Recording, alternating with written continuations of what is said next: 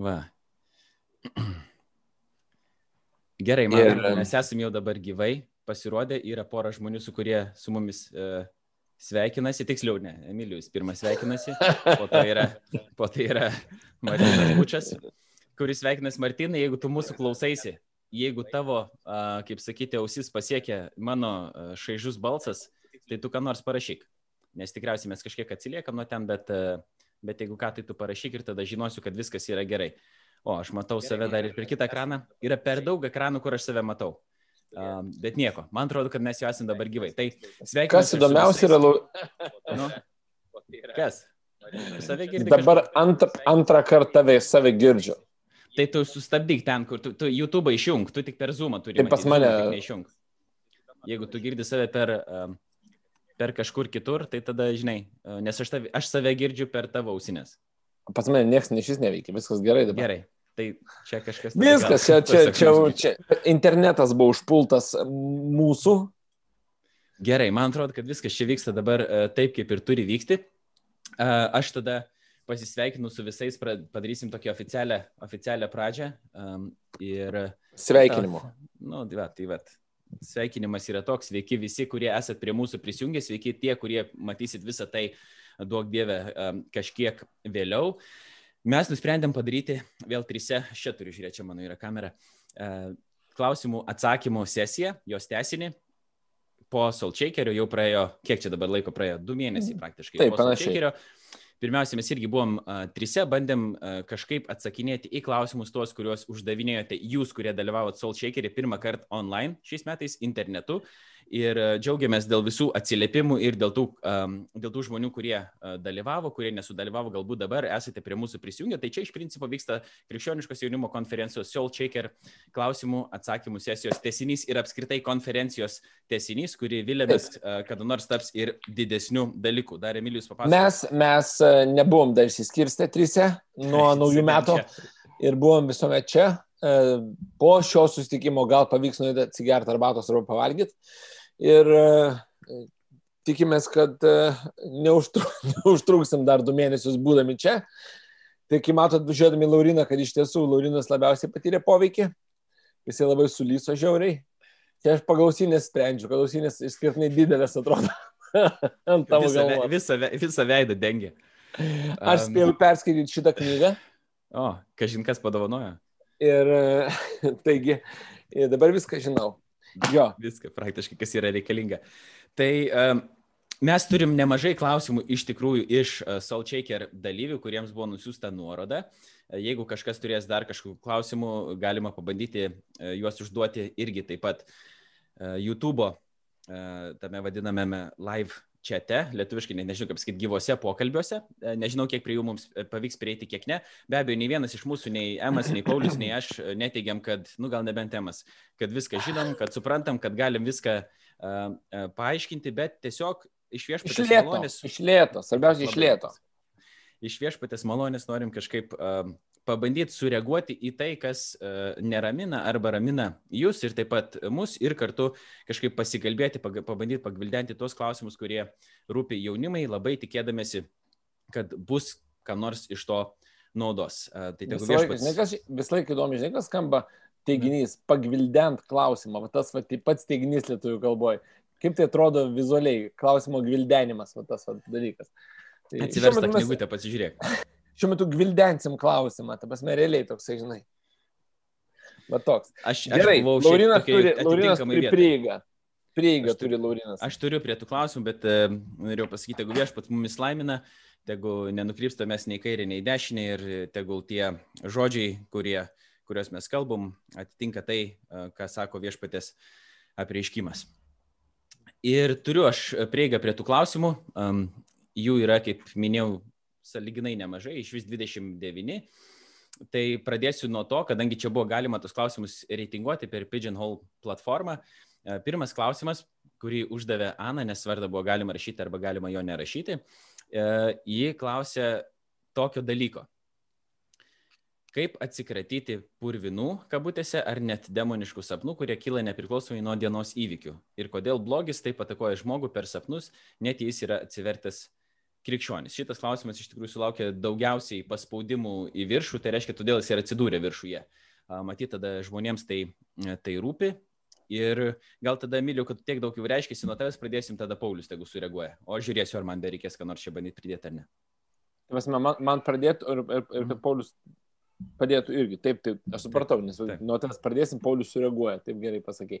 Jo, kaip ir aną kartą mes, mes darėm per pačią konferenciją Solčaker, dabar irgi taip pat darykim, arba taip pat irgi darysim, mes iš tikrųjų net nesikalbėjome, mes net nesitarėm prieš susitikimą, bet irgi darykime taip pat, kad jeigu kas turi, kaip pasakyti, aiškesnė patirtį arba turėjęs yra patirties su esamu klausimu ir nori atsakyti, drąsiai galite irgi atsakinėti. E, ir žinoma, mes kaip ir aną kartą drąsiai vienas kitą galima papildyti arba vienas kitam paantrinti, patretinti.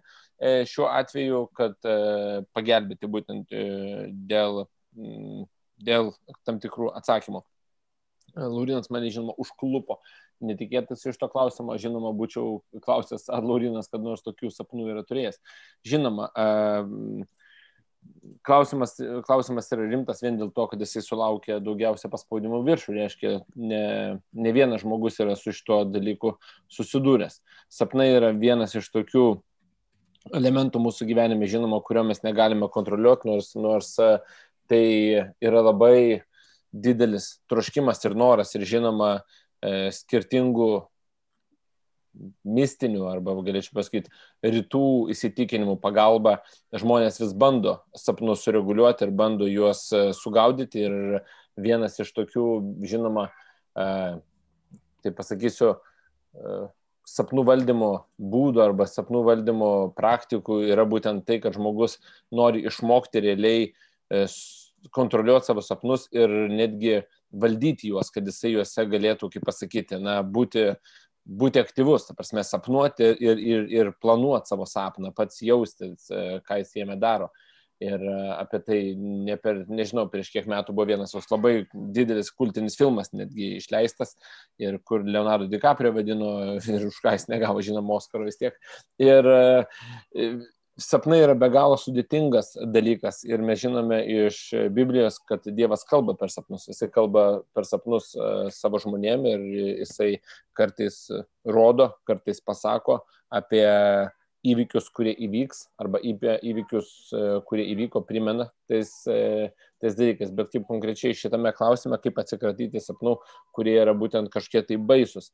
Aš iš savo praktikos galiu pasakyti, paprasčiausiai yra toks momentas, kad uh, na, man yra tekę sapnuoti tokių, kaip pasakyti, na, baisių sapnų arba košmariškų sapnų. Yra tekę patirti, kad atrodo, tu, būdamas suaugęs žmogus, atsibundi ir tu atsibundi, nu, tokiam nerime arba baimėje.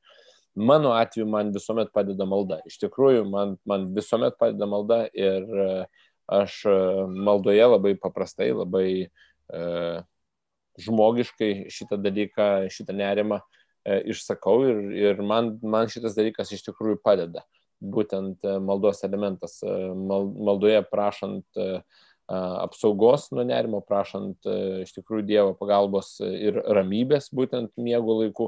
Ir man asmeniškai tas dalykas padeda, kad aš, kaip pasakyti, į, į, į miegą ir į ramybę nakties metu labai rimtai žiūriu ir netgi būna, kad vakare aš pačios medžiuosi ramybės ir, ir būtent to dalyko ir kad nebūtų košmariškų arba baisių sapnų tiek savo, tiek, tiek vaikam.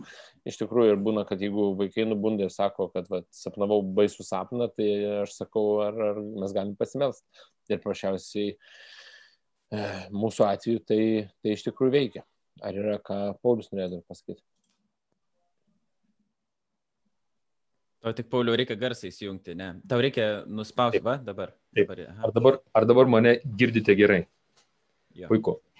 Tai aš irgi galiu tikrai pantrinti Emą ir sakyti, kad visais atvejais mūsų gelbsti malda. Žinot, nežinau, tie, kurie, aišku, tikintis esate, tai Jėzus pažadas, kai sako, kas šauksis mano vardo, bus išgelbėtas. Tiesiog, aš tai galėčiau iš savo praktikos irgi, margi, pavyzdžiui, būna, kad pavyzdžiui, būna kažkoks tai tiesiog, negi būna dvasinė kova sapne. Atsimenu, toks, pavyzdžiui, atvejs buvo, čia prieš tuos įvykius, galbūt ką jis, pažiūrėjau, galėtų reikšti. Tiesiog, tiesiog matau, kad vienuolinė ateina koridorium žmogus, kažkokia moteris ir taip jaučiu ryškiai, žinai, ryškiai, damoms, bet, reiškia, bet žmogaus pavydalu ir tokia didžiulė, didžiulė baime. Ir tai žinau, kad vienintelį dalyką, ko šaukiausi viešpatė Jėzau Kristau, gyvo Dievo sūnau, pasigailėk manęs nusidėlį, nes jaučiu, kad tas, kuris ateina, jis yra, nu, jis yra, nu, ne pagal mano svorio kategoriją. Panašiai kaip jau, jaustumės, jeigu tektų atsidurti ringė, bokso ringė su, pavyzdžiui, tu, vat, tu esi toks, jau ten ateina profesionalus boksininkas, nežinau, koks nors Tysonas, ne, ir tu jauti, kad tau dabar reikės su juo kau, kautis. Ir atsimenu, bandžiau, kaip sakant, grumtis ir šaukiausi Jėzaus, Jėzaus reiškia vardo. Tai va, tai tokia, tokia žinokit, praktika. Ir dažnai būna, kad šaukdamas jis netgi, jūs kalbat apie sapną, ne? netgi sapne, atrodo, netgi jeigu tu esi netgi tiesiog paralyžiuojamas, būna netgi sunku ištarti šitą žodį, aš netgi dar darau kartais kryžių ženklą, mes kaip katalikai, tiesiog tu vas kryžių ženklų, žinai, pažymių tą reiškia būtybę. Nu ir žinokit, veikia. Tai tiek. Taigi šauktis Jėzus vardo. Lorinai, tu esi liktai su Taisonu kovojęs, gal tu ką? Aš, mes kaip dabar kaip tik bukinam tą kovą. Žinai, kai COVID baigsis, jisai teisinasi. To, žinai, kad COVID negalima, negalima, žinai. Uh... Liestis, liestis viens per kito. Nu jo, ta prasme, labai sunku yra tą, žinai, nekontaktinę kovą padaryti. Jo, aš šiaip vien tai irgi. Vien dėl to, jis yra saugus dėl to. Nu, taip, nes, nu, žinai, kaip sakyt, būtų sudėtinga irgi jam, jisai sapnuoja, aš manau, irgi mane. Bet uh, krepšinis yra, krepšinio taisyklėse, man atrodo, pirmosios įvardyjamas kaip nekontaktinis sportas. O tai va, panašiai kaip boksas, ta prasme. Ne, esu, yra tekę matyti. Tai uh, dar aš pabandysiu gal iš kito kampo um, u, u, tą klausimą kažkiek užgriepti, pagvildenti, kaip sako Emilijus, jam šitas žodis labai patinka. Uh, tai ką daryti, va, pavyzdžiui, uh, kai sapnai kyla nepriklausomai nuo dienos įvykių. Čia galima keliais sluoksniais tos sapnus, aišku, pjaustyti. Pirmiausia, mes kaip krikščionį žiūrim į realybę kaip į platesnę. Tai reiškia, kad be abejo viska, ne viskas vyksta vien tik mūsų fizinėme kūne arba mūsų, sakykime, psichikoje, bet egzistuoja tas ir dvasinis lygmuo, apie ką dabar Ema su Paulium e, ir kalbėjo. Kalbant tuo, e, tuo paprastuoju kūniškoju lygmeniu, ne, kuriame dalykai irgi vyksta, nors, pavyzdžiui, irgi yra ten išskiriama sąmonė, pasąmonė ir kiti dalykai, kur irgi tieks, niekas tiksliai nežino, kaip jos veikia, yra tam tikri, nu, kaip spėjimai, hipotezės, kad taip galėtų būti ir panašiai, žmonės, aišku, tais terminais operuoja, bet um, yra kažkas, apie ką mes, pavyzdžiui, galvojame dienos metu, arba ne tik dienos metu, bet ir anksčiau kažkaip galvojame ir tie dalykai pasirodo mums sapne kažkaip. Ir gali būti kažkoks tas nerimas, mums, pavyzdžiui, kurį mes patiriam nerimą kiekvieną dieną, jisai mums per sapną uh, gali išsireikšti kažkokią labai stiprią, nu, tokią vizualinę formą, kuri tiesiog nu, gali mumis gazdinti, bauginti, neraminti, nes jeigu, pažiūrėjau, esam neramus dieną dėl tų minčių arba jas kažkaip nustumėm iš, iš šalį, jos gali kažkaip mums pasireikšti ir, uh, ir per sapną.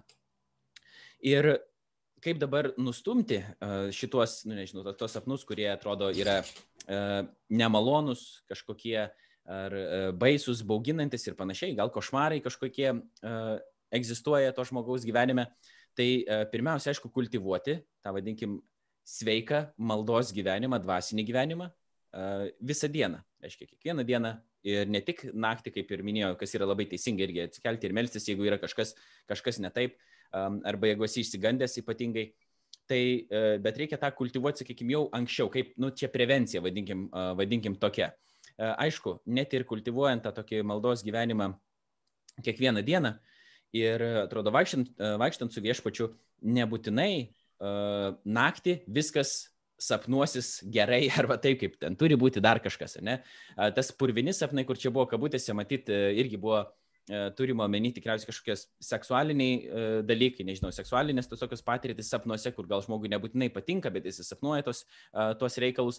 Ir čia, nu, neišeina suvaldyti to momento, bent jau, nors mano vienas draugas sako, kad, kuris nesiremia rytų filosofiją, bet sako, kad kažkiek mes ten turim tos kontrolės, kad mes galime ar atsibūsti galbūt, ar kažkaip pakreipti tą savo, tą savo mintį kitą eigą, nors nesam visiškai uh, sąmoningi uh, tuo metu. Bet iš principo, ką aš tiesiog pasakyčiau irgi, kad uh, turėti tai omenyje, kad tas sapnas uh, kartais gali kilti ir būti baisus, nepriklausomai nuo to, kas įvyko mano dienos eigoje, bet kaip geriausiai nuo to ne tiek gal apsisaugoti, bet užsimti kažkokią tokią prevenciją, tai reiškia kultivuoti santyki e, su viešpačiu, įvardinti tuos dalykus, kurie gal dienos eigoje ar savaitės eigoje yra mane neraminantis, kalbėtis apie tai su kitais žmonėmis. Ir, ta prasme, taip, nu, nežinau, valyti tą savo, nežinau, galvą, tą, tą situaciją e, tuo metu, kad ne viskas lystų, vad, grinai per sapnus, nes atrodo, kas yra, aišku, tokios psichologinės mokyklos, kurios sako, kad e, tai, kas buvo užspausta toj dienos eigoje, tada mes per sapnus visus tos dalykus patiriam.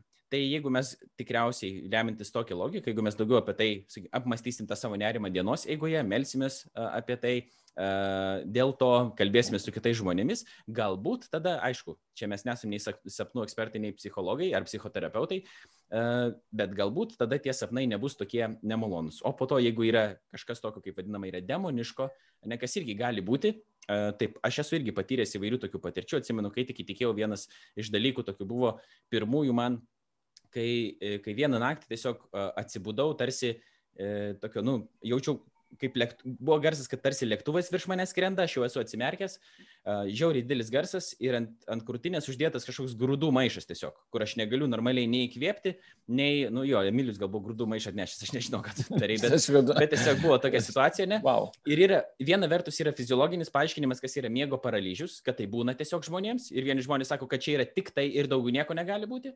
Kita vertus, mes sakom, kaip krikščionis, taip, miego paralyžius gali, jisai egzistuoja ir egzistuoja tokia būsena, tačiau yra ir realybė, kadangi yra platesnė, gali būti kažkas daugiau po to, nes ta baime, kuri užima, pavyzdžiui, yra nenormali baime. Ir e, man susidūrus vieną kartą su egzorcizmu, pačiam, ta prasme, nenorint to, bet mes netyčia patekom ten, kur vyko tas dalykas, man, mane buvo panaši tokia baimė apėmusi kurį laiką, kaip, sakykime, to sapno atveju. Nu, tiesiog galima kažkaip tą, e, tą, tą palyginti, tokį dalyką. Tai va, aišku, tiem žmonėm, kurie e, netiki, kad ta dvasinė realybė egzistuoja arba tokia, arba kaip krikščionys jie žvelgia, tai atrodys labai keista, bet e, kadangi klausimą uždavė krikščionys, galima taip daryti prielaidą, tai mes atsakinėjom būtent iš šitos perspektyvos. Gerai. Einam prie antro klausimo, kurį irgi paprašysiu galbūt visų sureaguoti. Gal turit, e, aš perskaitysiu neredaguotą, po to išversiu lietuvių kalbą. Gal turit kelis tipsus, kaip pakalbėti su draugais apie tikėjimą, kad nebūtų awkward? Tai verčiu dabar. Aš žinau, čia e, e, kavinės darbuotojas, pirmas dalykas klausė iš karto. Taip, nes nori arbatpinigių. Jisai nori kelti arbatpinigių gauti, kad nebūtų nepatogu. Ne. Tai gal turit kelis tai patarimus, kaip kalbėti su draugais apie tikėjimą, kad nebūtų tiesiog keista tokia situacija. Daug kas yra galbūt ją patyrę, taip pat ir aš, aišku. Um, tai Emilijau, duok tada tų arbatpinigių žmogui. Arbatpinigių duot. Nu, arbatpinigių aš, žinai, aš esu, aš esu labai uh, toksai skeptikas tikriausiai, kas, uh, kas mane pažįsta uh, asmeniškiau, kas liečia būtent kalbėjimą kalbėjimą apie tikėjimą. E, aš pasakysiu labai paprastai, manau, e, tiek Laurinas, tiek Paulius nedrys man prieštarauti, nes kitai bus išjungti iš ryšio. Yra tiesiai šviesiai. Apie tikėjimą nereikia kalbėti, tikėjimą reikia visų pirma gyventi. Ir labai, bet tiesmukiškai paprastai. Ir jeigu tu juom gyveni, tai tavo bet, bet kokia kalba, tiesioginė žodžio prasme, bet kokia kalba, bet kokia tema, bet koks, ta prasme, įvykis, jisai bus susijęs su tavo gyvenimo tikėjimu. Pokalbis neturi vesti visą laiką link kryžiaus. Pokalbis neturi visuomet eiti. Tarpsim, valgysim dabar pusryčius, ką norėtum valgyti. Norėčiau valgyti krosaną. Krosanas nuo žodžių kros. Kros, kros yra crucifixion. Crucifixion reiškia nukryžiuotasis. Norėtum išgirsti, prasme, apie Kristų padėkim krosaną iš šono, kalbėsim ne apie tai, ta prasme, tai būtent ir yra awkward, ką turi parašyti, ta prasme, nepatogu, kažkaip keista, nenormalu, bet pas Lauriną kambarė atėjo šuo, aš nežinau, ką dėl to daryti, ta prasme, iš vis aš matau užsišuns. Tai, va, tai mintis yra tokia, kad iš tikrųjų, gyven, jeigu tu gyveni pastovi, ir aš pasakysiu labai paprastą pavyzdį, kažkada tai mes sėdėjom sėdėjom kaviniai, čia iš tikrųjų prieš daug metų buvo, taip, prieš, aš žinau, kaip pasakysiu, prieš 15 metų, įsivaizduokit, sėdėjom kaviniai, paprasta kavinė, e, nežinau, tikriausiai vadintųsi gal net tokio tipo kaip aludė kažkas to, kadangi ten e, vakare sėdėjom Klaipadoje ir su, su grupė žmonių. Ir kas įdomiausia, kad mes atėjom paprasčiausiai pasidėti, praleisti kartu laiką, pabūti, vat, rimtai, su grupė žmonių, ten mūsų kokie septyni buvo, visi pažįstami, visi, tvasme, nebuvo vėlus vakaras, gal 7-8 val. vakaro, bet pokalbiai išsivystė vien apie tikėjimą. Visi pokalbiai išsivystė vien apie tikėjimą, būtent tenai. Ir galiausiai šalia sėdinti stalo žmonės irgi prisijungė ir vien apie tą dalyką kalbėjom. Ir paskui vienas žmogus man komentavo, sako, nu kaip tau taip gaunasi, atėjom pasėdėti, visus pradėjai parinti apie tikėjimą, prasme, kaip, kaip tu taip gaunasi. Aš sakau, nesigauna man, prasme, taigi jūs puikiai matėte, kad aš niekur nevedžiau tą, bet tai neišvengiamas dalykas. Neišvengiamas visiškai, absoliučiai dalykas neišvengiamas. Ta prasme, taip, va, taip, va, taip yra. Ir e, aš pavyzdį pasakysiu paskutinį, paskui jūs galėsite perimti. E, mes e, kažkada tai ant stogo darbavomės, na, aukštesnėje vietoje ant stogo ir su vienu draugu ir kažkas ten iš apačios praeivis kažkoks pakomentavo, sako, a nebaisu nukristi. Ir e, tas mano draugas nieko lytės neatsakė. Ir aš sakau, reikėjo pasakyti, ne, nukris nebaisu, nu, baisu numirti ir Dievo nepažinoti. Jis sako, kaip pas tave tokie teiginiai teigna, ta prasme, leita prasme, nu, vat, nu, vat, kas tau yra? Aš nežinau, kaip jie ateina. Paprasčiausiai, tu gyveni gyvenimą, bet elementariausiai, tu gyveni savo gyvenimą tai tau nereikės svarstyti, kaip čia pradėti kalbėti. Bet jeigu tavo gyvenime tai nėra pilnai gyvenama, žinoma, tada tu galvoji, o, ar tinkama, netinkama vieta. Nereikia galvoti apie tai, pačiausiai reikia įgyventi tiek. Jeigu leisite, aš irgi įdėsiu savo nuomonę. Dėk, Pauliu. Pirmiausiai, tai Duosiu tokį pavyzdį. Kažkada tai tas įkūrėjas, nu, kuris čia mumis, mumis pranciškonus taip įkvėpė ir mes tapom netgi tokią visą, visą tokią šaiką, žinai, pranciškonų ordinas.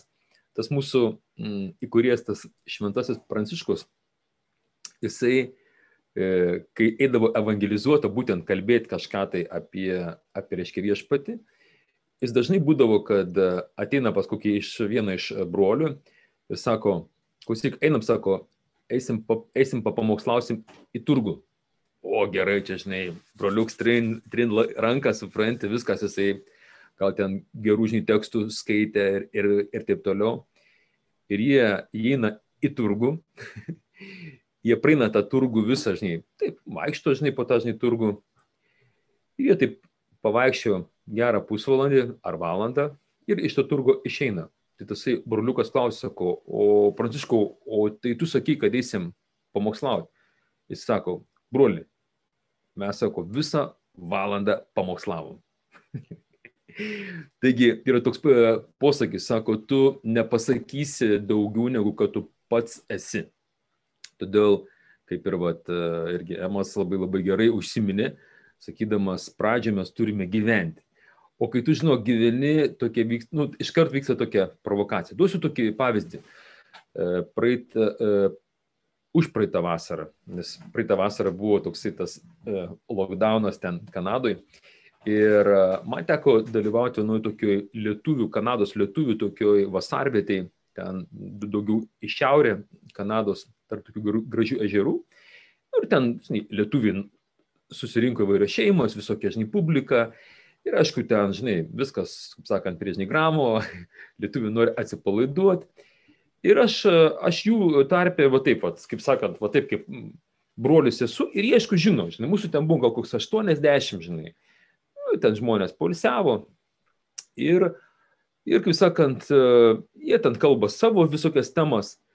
Žinokit, kai jau liaudis atsipalaidavo gerai, padarė gramą, Žinokit, man net nieko daryti nereikėjo, jie patys, jie patys pradėjo klausti, sakyk, o kaip čia taip yra, žinai, tu, tu kažkoks, va, toks, nu, va, toks, va, tu mums paaiškink, kaip čia, ką iš čia veikia, tu toks keisbiškų esi, mes, mes esam normalūs lietuviai, čia, žinai, emigravę ir taip toliau, gramiuką darom, tu saka, tu saka, negeri, nesikeikia, su tavim apie, apie, reiškia, moteris pakalbėti, nu, irgi kažkaip nelygi, žinai, sako, tavo tokias temas, nu, žinai, Ir jie tada manęs patys pradėjo klausti. Tai vad atsakymas būtų toksai, jeigu kas nori tą tipsą ar ne, e, pasisteng e, nedeklaruojant garsiom frazėm, kad esi krikščionis, ten, žin, ten, nežinau, ten kryžius gali būti kažkoks tai didelis, žinai, ir ten kažkokie ženklas, I love Jesus, žinai, ten kokie marškinėliai, žinai.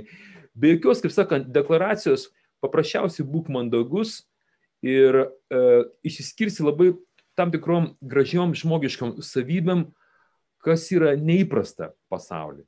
Tai, pavyzdžiui, gali būti, aš aišku, ne, dabar nežinau, kas tą klausimą užrašė, tai supratau iš, e, iš išnėjimo, kad yra tai vyrukas, kuris, kuris dirba, reiškia, barmeno, aš taip supratau, Emai. Taip, ne? Ne, aš ten paprasčiausiai. paprasčiausias žodis, paprasčiausias žodis tipsas. Jo, gerai. Yra. Aišku, gerai. Žinomas kaip arbatpinigis. Jo. Nu, bet kuriu atveju, ar ne?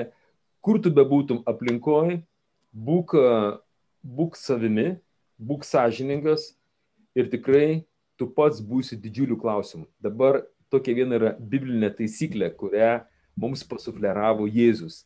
Sako, atsakykite klausiančiam.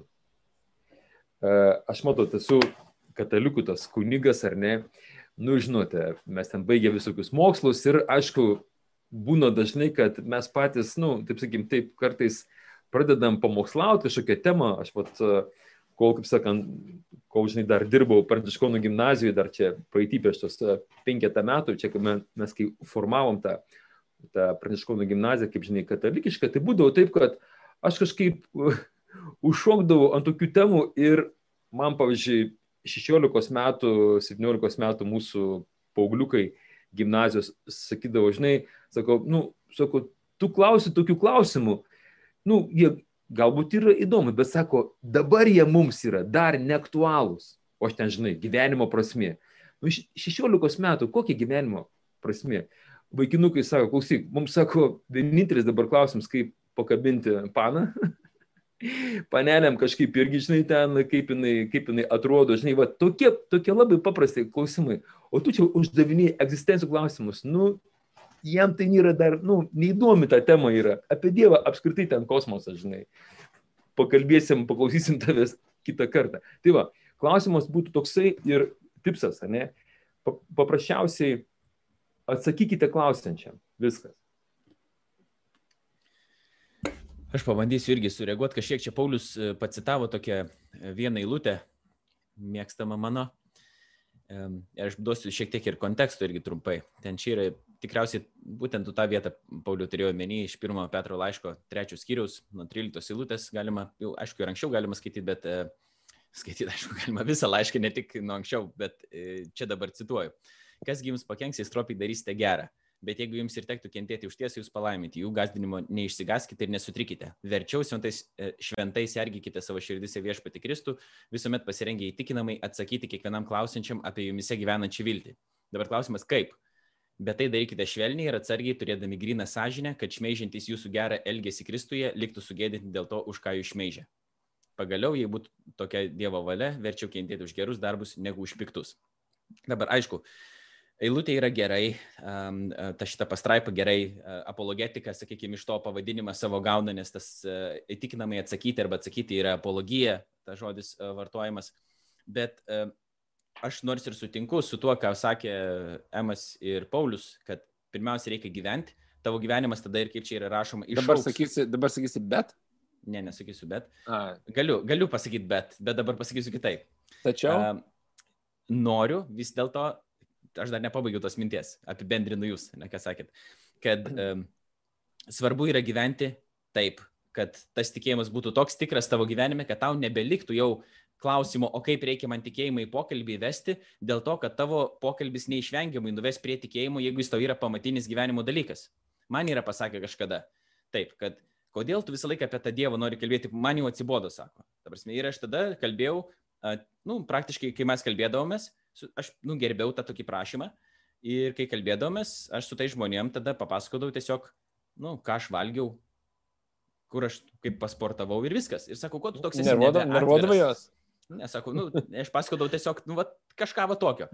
Ir e, sako, ko tu toks esi nebeatviras? Prasme, sakau, nu tai mes prašėte apie Dievą nekalbėti, sakau, nu kaip man nekalbėti, ta prasme, apie Dievą, jeigu, nu, ta prasme, mano visas gyvenimas sukasi kažkaip aplinky, um, kad ir netobulai visą tai vyksta, bet kaip man nekalbėti apie jį.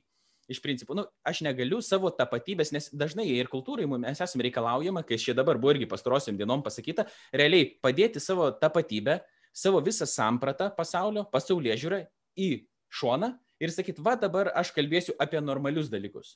Nu kaip, kaip tu gali kalbėti apie kažkokius tokius normalius dalykus, jeigu čia tau ir yra normalus dalykas, tavo tikėjimas yra tau kasdienis dalykas. Dabar, kai žmonės galvoja kalbėti apie tikėjimą arba skelbti Evangeliją, dažnai jie sako, vat, um, tokius teiginius. Aš einu į bažnyčią, aš esu krikščionis, aš tikiu Kristumi.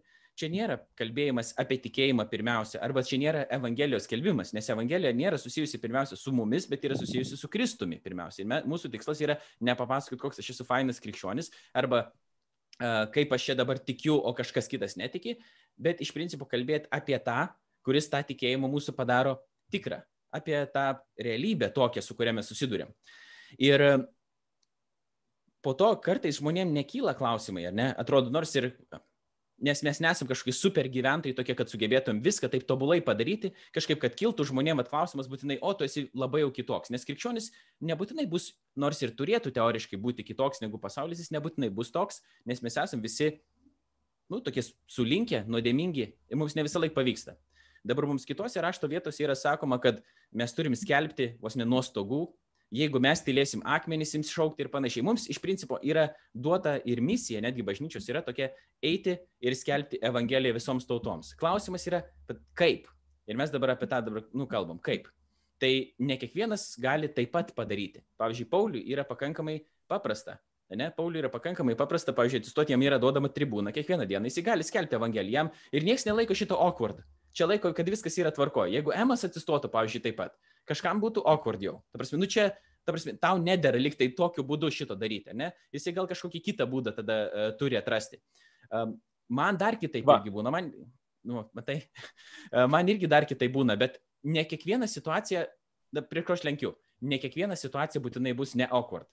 Jis gali būti awkward, gali būti tylos, gali būti to tokio keistumo šitoje situacijoje, nes tas klausimas yra toks, prie kurio mes dažnai neprisiliečiam. Tiesiog.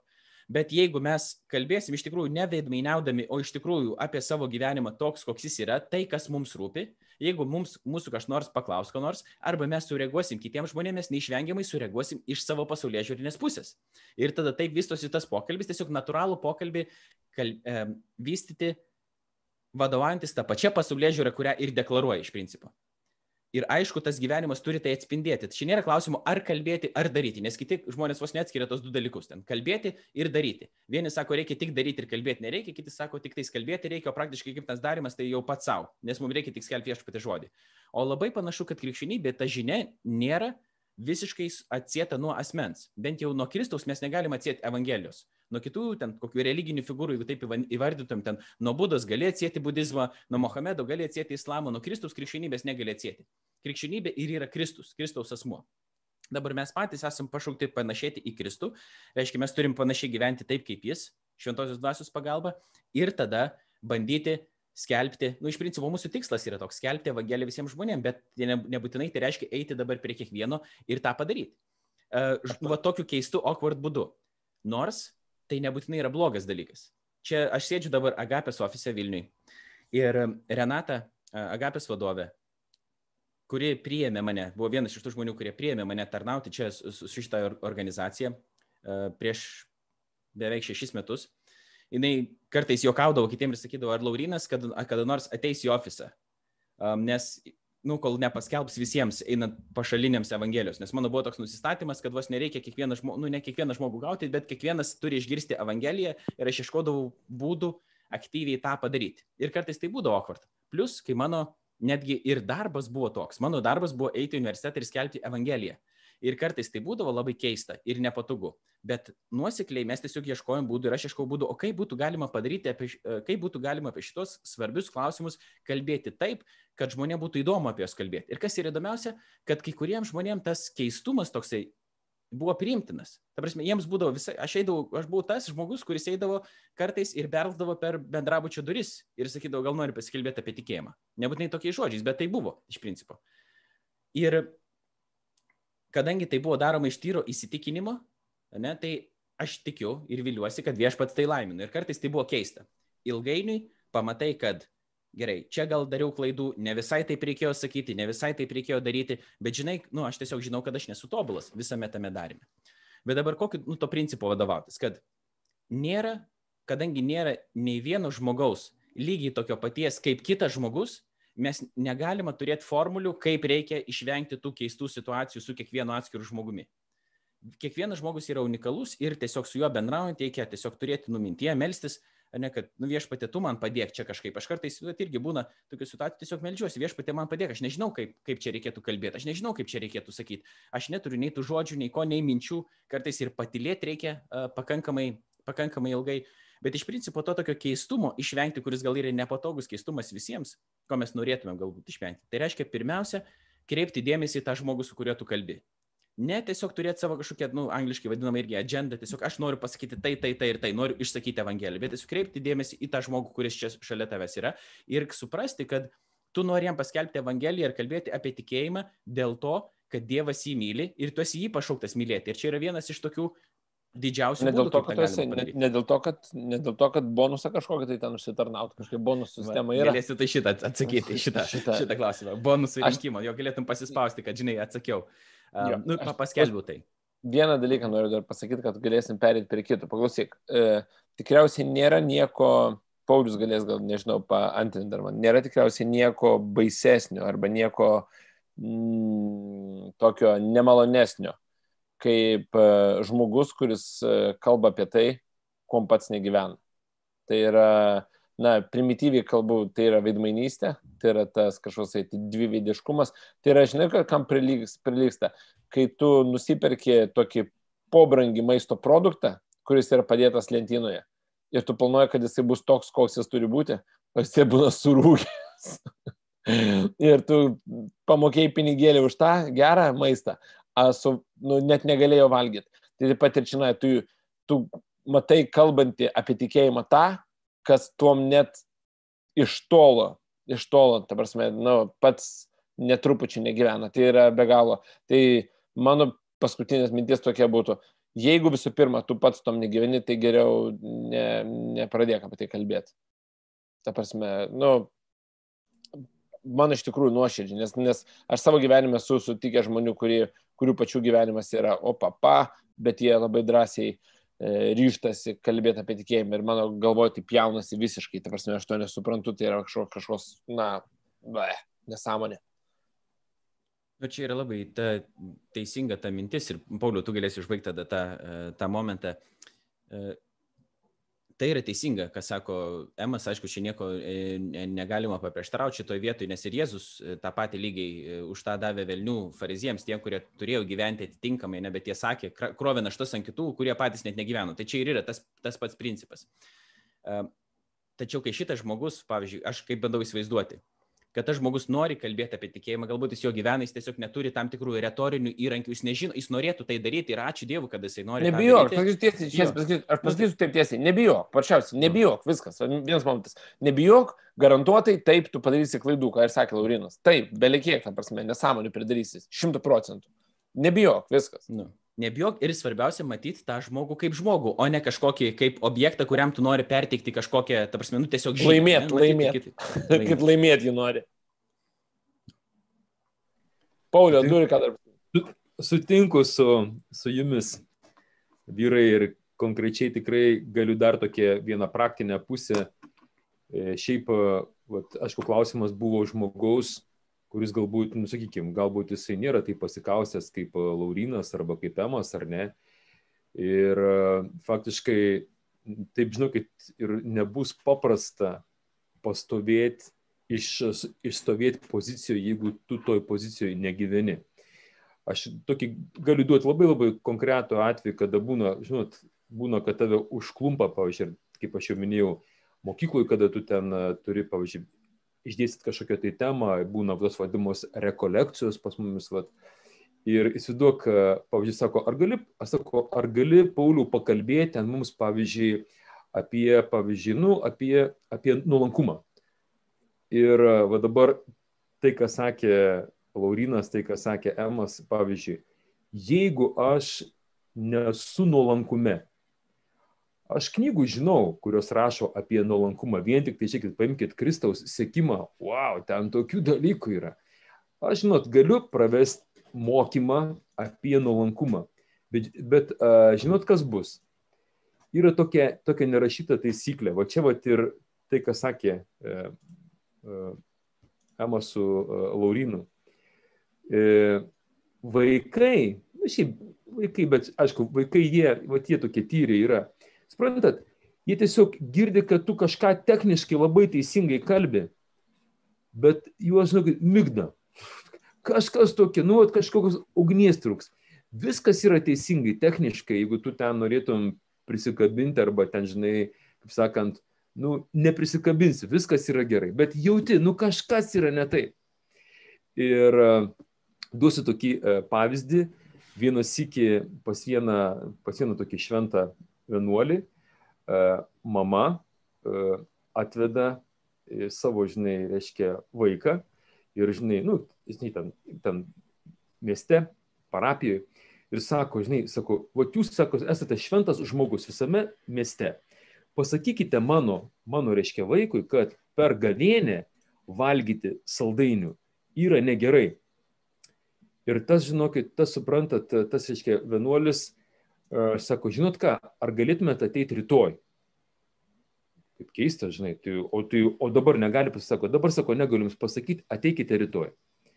Kada atėjo kitą dieną atėjo ta mama su tuo, žinai, vaiku, kad tas vaikas išgirstų, žinai, tas, tas jo sūnus, kad ten būtent va tokie šventi žmonės kalba, kad reikia, žinai, reikia nu kažko išsižadėti.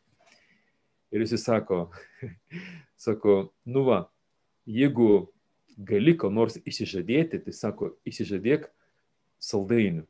Ir tada mama klausė, sako, o kodėl jūs vakar to negalėjot pasakyti? Sako, žinot, kodėl negalėjot? Kadangi aš vakar gavienės metu dar valgiau saldainius.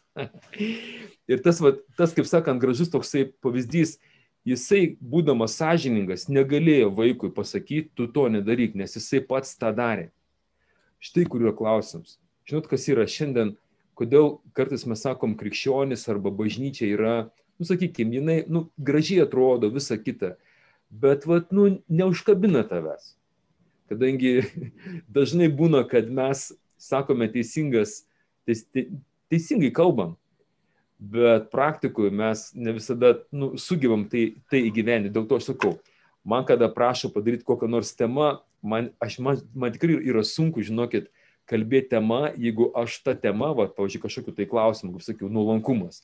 Nu, jeigu pas mane nėra to nuolankumo, jeigu aš nenuolankiai priemiu man duotą pastabą, ar ne, nu, man tiesiog, man tiesiog sąžiniai bloga yra, aš jaučiuosi tikrai, nu, esu netiesojim, melagis, aš arba turiu kaip tas vienuolis sakyti, žinot ką, šitą temą pakalbėkim, aš pakalbėsiu kitą mėnesį ir tą mėnesį, jeigu man pavyks tą darybę gerai įgyvendinti, tai bent jau sakysiu, va, pabandžiau būti nuolankus mėnesį laiko, žinokit, ir galiu pripažinti, nesigavo. Todėl, todėl jeigu, žinai, galit būkit nuolankus, bet man tai nepavyko, gal jums pavyks geriau. Ir žinokit, va toks va nuoširdumas, kai tu pasakai, yra daug daugiau, negu tu teisingai išdėstė mokymą apie vieną arba kitą tikėjimo dalyką. Gerai, čia dar būtų tikriausiai daug galima kalbėti, bet einam prie kito klausimo. Ir čia jau konkrečiai bus Pauliui, mes gal labai nedaug ką galėsim pridėti iš kitos. Ne, kodėl, Lorinai? Nu, tu išgirs klausimą. Nebent tu, nu, tu kažką pakeitėjai tuo metu, kol aš nežinojau, tai bus matyti. Kuo katalikybė grindžia skaistyklos egzistavimą? Emilijau, gal nori tada atsakinėti, ar geriau Pauliui palikti? Aš, aš dabar gerai, e, aš pradžiu paleidžiu Pauliui, paskui pantrinsiu. Gerai, kuom, uh, kuom grindžia? Aš tau, Poliu, pačiausiai tik tai duosiu tokį e, trumpą overview, e, tokį bendrą, Gerai.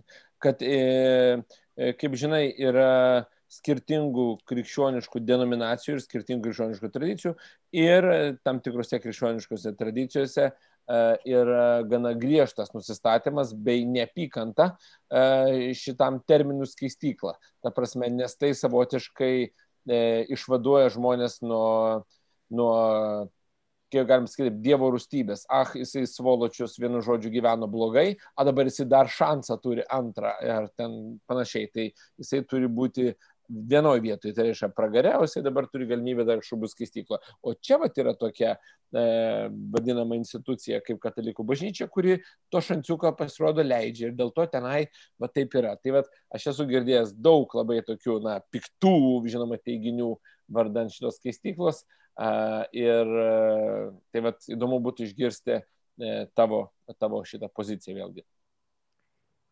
Pirmas dalykas, tai jūs žinot, kad nors, nors katalikų bažnyčia daugelį šimtmečių negalėjo pasižymėti tie, kurie nu, gerai ten, na, ten ant, ant kiekvieno, kaip sakant, teiginio sugeba argumentuoti, cituodami Bibliją, taip kaip pavyzdžiui tai atsitiko po, po mes sakom, po reformacijos. Bet, žinokit, reiškia, žmonės, kurie, nu, kurie, pavyzdžiui, priėmė vieną ar kitą teiginį, jie, jie nebuvo kvaili, noriu pasakyti, kad didžioji dauguma primtų teiginių tenais dalyvavo daugybė tikrai vienuolių, kurie išsilavinę, kurie tikrai Bibliją, patikėkit, varto visom kalbom originaliom. Ir kai jie priemė tą, tą tokią išvadą, jie, žinokit, kaupė, kaupė keliais, keliais šimtmečius visą, visą informaciją, kad galėtų pasakyti, kad toks dalykas tikrai egzistuoja ir tai yra tikrai numanoma vienas, aš dabar e, pasakysiu keletą tokių momentų. E, Biblijos, kad, kaip reiškia ten, žinai, tokia, toks, tokia, tokia vieta, ten tokia evangelija, eilutė tokia ir tokia, aš dėl laiko irgi necituosiu, bet jums tik tai pasakosiu momentą, kas yra Biblijoje parašyta. Vienas iš tokių punktų yra tai, sako, kai tu, e, kai tu eini, e, sako, eini pas teisėją, e, dar kelyje susitark su savo ieškovu, kad e, teismo metu tu nebūtum pasmerktas ir nebūtum įmestas į kalėjimą. Ir ten yra toks dalykas, neišeisi iš ten, kol neatsiteisi iki paskutinio skatiko. O čia viena tokia švento rašto vieta, tas va, susitark su ieškovu, kažkas yra prieš tave. Kitoje vietoje, jeigu atsimenat irgi, kada viešpats Jėzus cituoja, jeigu neši savo auką E, prie altoriaus ir tu, reiškia, prisimeni, kad kažkas yra prieš tave, palik savo auką, ne, eik, susitaikyk su tuo, kuris yra prieš tave, tada eik neš savo žiniauką. Čia dabar tik tai grįžtų apie tą ieškovą, ar ne? Ten labai yra tokie, tokie įdomus dalykai. Paskiau prisimenat netgi apie tą atvejį, kada, e, kada Jėzus duoda, duoda palyginimą apie tą, sakykime, nu, tokį negailestingą E, dvariškį, kuris buvo skolingas karaliui ten milžinišką sumą, tas 10 tūkstančių talentų ir kai jisai jam karalius dovanojo, jisai paskiau miesteidamas gatvėje susitiko savo, žinai, klasės draugą ir jisai, kuriam ten buvo skolingas tik tai, nežinau, ten vieno mėnesio, ten, ten tų šimtą, reiškia, denarų. Ir jisai smaugė jį taip pat atiduok ir tas žmogus neturėjo, jis įmetė jį į kalėjimą už tuos e, šimtą eurų. Ir tada, kai kiti tarnai sužinojo tokią neteisybę ir pranešė karalių, karalius išsikviečia tą negailestingą tarną, tą valstybės veikėją ir sako, klausyk, aš tau atleidau 10 tūkstančių talentų. Žinot, kas yra 10 tūkstančių talentų? Tai, sakykime, tokių kaip Junktinės Amerikos valstijos metinis biudžetas, ne? ten belė kiek yra pinigų, ten, ten milžiniška suma, kažkas yra paskaičiavęs, sako, 10 tūkstančių talentų, kaip tai atrodytų vizualiai, bandykit įsivaizduoti 40 fūrų aukso, o taip viena prie kitos fūros, pilna aukso. O taip atrodo 10 tūkstančių talentų kiek buvo skolingas ar ne, ir jam buvo atleista. Ir ten yra, pas, ten yra pasakyta, karalius užsirūstino ir liepė įmesti jį, jį į kalėjimą. Iki to momento, iki tol, kol atiduos visą skolą. Matot, karalius nepasmerkė jo amžinai mirčiai, bet kol atiduos visą skolą. Žinot, tokia suma, mes sakom, tai yra mūsų, aišku, nuodėmės, čia daug šitos alegorijos, bet tai būtų tokie, pavyzdžiui, momentai, kurie, kurie žinai, kalba apie tą nu, kuriais, pavyzdžiui, čia, čia yra vienas iš, kuriuos aš, aš dabar atsimenu. Tai va tokiais dalykais remdamasi, bažnyčia taip pat, e, jinai taip pat argumentuoja ir tokią, ir tokią dvasinę praktiką, kad, e, žinot, mes visi stoję į Dievo akivaizdą, turėsim, nu, pamatysim tiesą ir suvoksim, kad nei vienas iš mūsų, nu nei vienas iš mūsų nesame verti įeiti dangaus karalystę. Ten yra toksai įdomus labai momentas. E, reiškia, Kristus, jis sako, aš už tave sumokėjau kainą, nu patikėk manim. Klausimas būtų mums, nu, kas galite garantuoti, kad išlaikysi tikėjimo egzaminą ir patikėsi, kai tu Dievo akivaizdoje, nes mes Dievo akivaizdoje negalėsim meluoti, mes matysim visą tiesą apie save. O jeigu tu ten esi prisidirbęs normaliai, aš manau, kad mes tikrai kiekvienas asmeniškai turim savo nuodėmių ir aš manau, net nežiūrint į kitus, netgi nelyginant, kiekviena mūsų nuodėmių mažai nepasirodys, ar ne? Aišku, nuodėmės atleidžiamos, kai tu, pavyzdžiui, gailiesi ir taip toliau, bet va ta, nu, ta mirties, pavyzdžiui, akimirka, nu ką tu žinai, ar tu ten gailėjai, nes, nesigailėjai, kiek ten, kiek esi pridirbęs nesąmonių gyvenime, ar esi atgailavęs ar ne. Nu, va, tu toks va ateini. Kristus, Kristus tau viską, viską atleidžia. Bet o tu, kada stovi Dievo akis, tu šansų mažai, kad tu išlaikysi tikėjimo egzaminą ir būsi tas teisusis gyvens tikėjimo. Tu išlaikėjai, patikėjai, atlaikėjai tą teismą. Tai va, bažnyčia mūsų aiškina tokį pažiūrį dalyką, kad viešpats, jisai, jis tau visada palieka laisvą valią. Karalius visada tave kviečia, kad ir tu su žinai, purvinais batais, su, nežinau, su kokiais ten purvinais rūbais, Jėzus atidaręs duris, welcome, žinai, ateik į mano pokelį, ten nekalba apie tą puotą, užėjai, broli, sesė, viskas tvarkoja. Bet kai tu, kai tu matai šviesą apie save, kad tu esi purvins visas, ateini į balių, aš kad tave priim. Nu, toks yra paprasta, kaip viešpatė, nu, klausyk, A galėčiau biškai iki tualetą nueiti, nu bent jau batus nusiplaut, va ką tik po, žinai, mešlynus tokius varinėjau, žinai, ir taip klapas toks nelabai geras, nu bent susišukuot, nu čia visą supranti, publika, visi su tais baltais, supranti, drabužiais, bent jau sako, leisk man, bent jau tą baltą, reiškia, drabužį užsidėti. Yra tam, yra tam tikri, pavyzdžiui, momentai.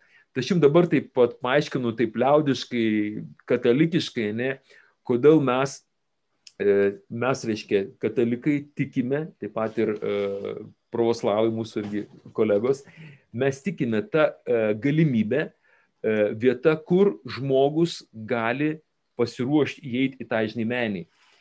Tai va, mes sakom, išsire, išsi, išsireiškia grininti, arba kaip sakant, e, sako, neišeisi iš ten, kol neatsiteisi iki paskutinio skatiko, ar ne? Tai va, mes esam ko gero visi va, tokie skolininkai. Gerai, Tai čia, patikėkit, tai reiškia, nėra čia šiandien dabar kaip išaiškinau, čia visą, visą bažnyčios mokymą, aš taip labai liaudiškai, taip kaip aš asmeniškai, kaip aš, kai aš minėjau, kaip aš tą dalyką suvokiu, man dėl to konflikto nėra, aš suvokiu, kad tai yra, nu, man ta skaistykla yra, jeigu jinai tokia, žinai, kaip sakant, jeigu tokia yra, ne, man, man yra dovana, mes sakom, tas, tas reiškia, tualetas, tas hygienos kambarys, kur aš galiu bent jau į dušą nueiti, suprantat, nu, pasiruošti eiti į, į tą balį. Viskas. Dabar teskite, broliai. Tu reaguosi dar, Emilijau, ką nors, nes tu čia taip pasakai, lyg tai taip pat aiškinsi dabar irgi kažką. Ne, aš pažiūrėjau, aš pažiūrėjau, mano visą laiką iš, tokia yra išvaizda mano to, kad aš visą laiką kažką turiu pasakyti.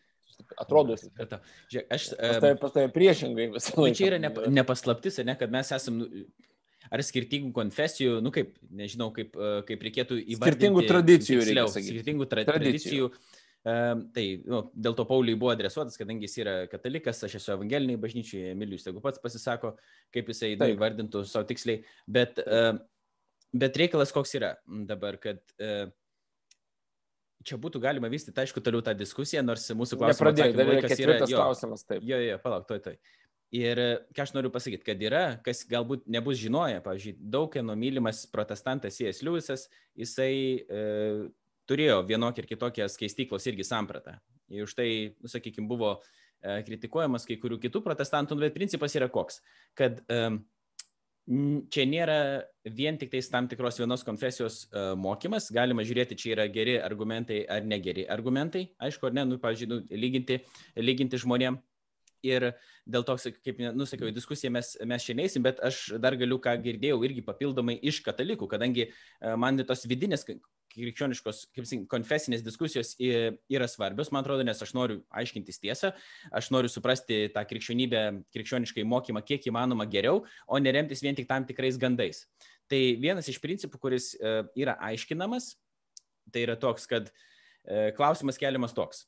Kas nutinka mirties e, valandą? Tai reiškia, ar tu esi išskaistinamas, nu kažkaip, kad galėtum būti viešpatės akivaizdu iškart ar ne, nes miršti, tai tu, ne, tu nesi visiškoje tokioje malonės būsenoje, vadinkim taip. Ir jeigu tu pereidamas, sakykime, iš to, nu, kūno, kūno mirtis įvyksta ir tu esi, nori būti su viešpačiu, turi būti su viešpačiu ir jeigu ten iš karto po tavo mirties įvyksta išskaistinimas, nu kažkoks, nu tas vadinamas angliškai yra purification arba uh, pašventinimas, sanctification būtų galima pasakyti. Ir jeigu tai yra tas momentas, kuris išvyksta, įvyksta po mirties, nesvarbu, kiek laiko jisai trunka, čia yra ir tai, ką katalikai vadina skaistikla. Nu, iš principo, nes kiek aš girdėjau dokumentuose, tai nėra apibrėžima, kiek tai laiko turi trukti, kokia tai, nu, vyksta, kokia, kokia forma. Bent jau aš girdėjau iš katalikų apologetų, kai aš bandžiau suprasti irgi tą pačią doktriną, keldamas, keldamas jai e, klausimus, vadinkim tai. Tai kažkoks čia tik tiek, nu, pridedant prie Paulius, ką aš girdėjau dar iš kitų, uh, iš kitų uh, sakant, nu, tai bet... Uh mhm. -huh.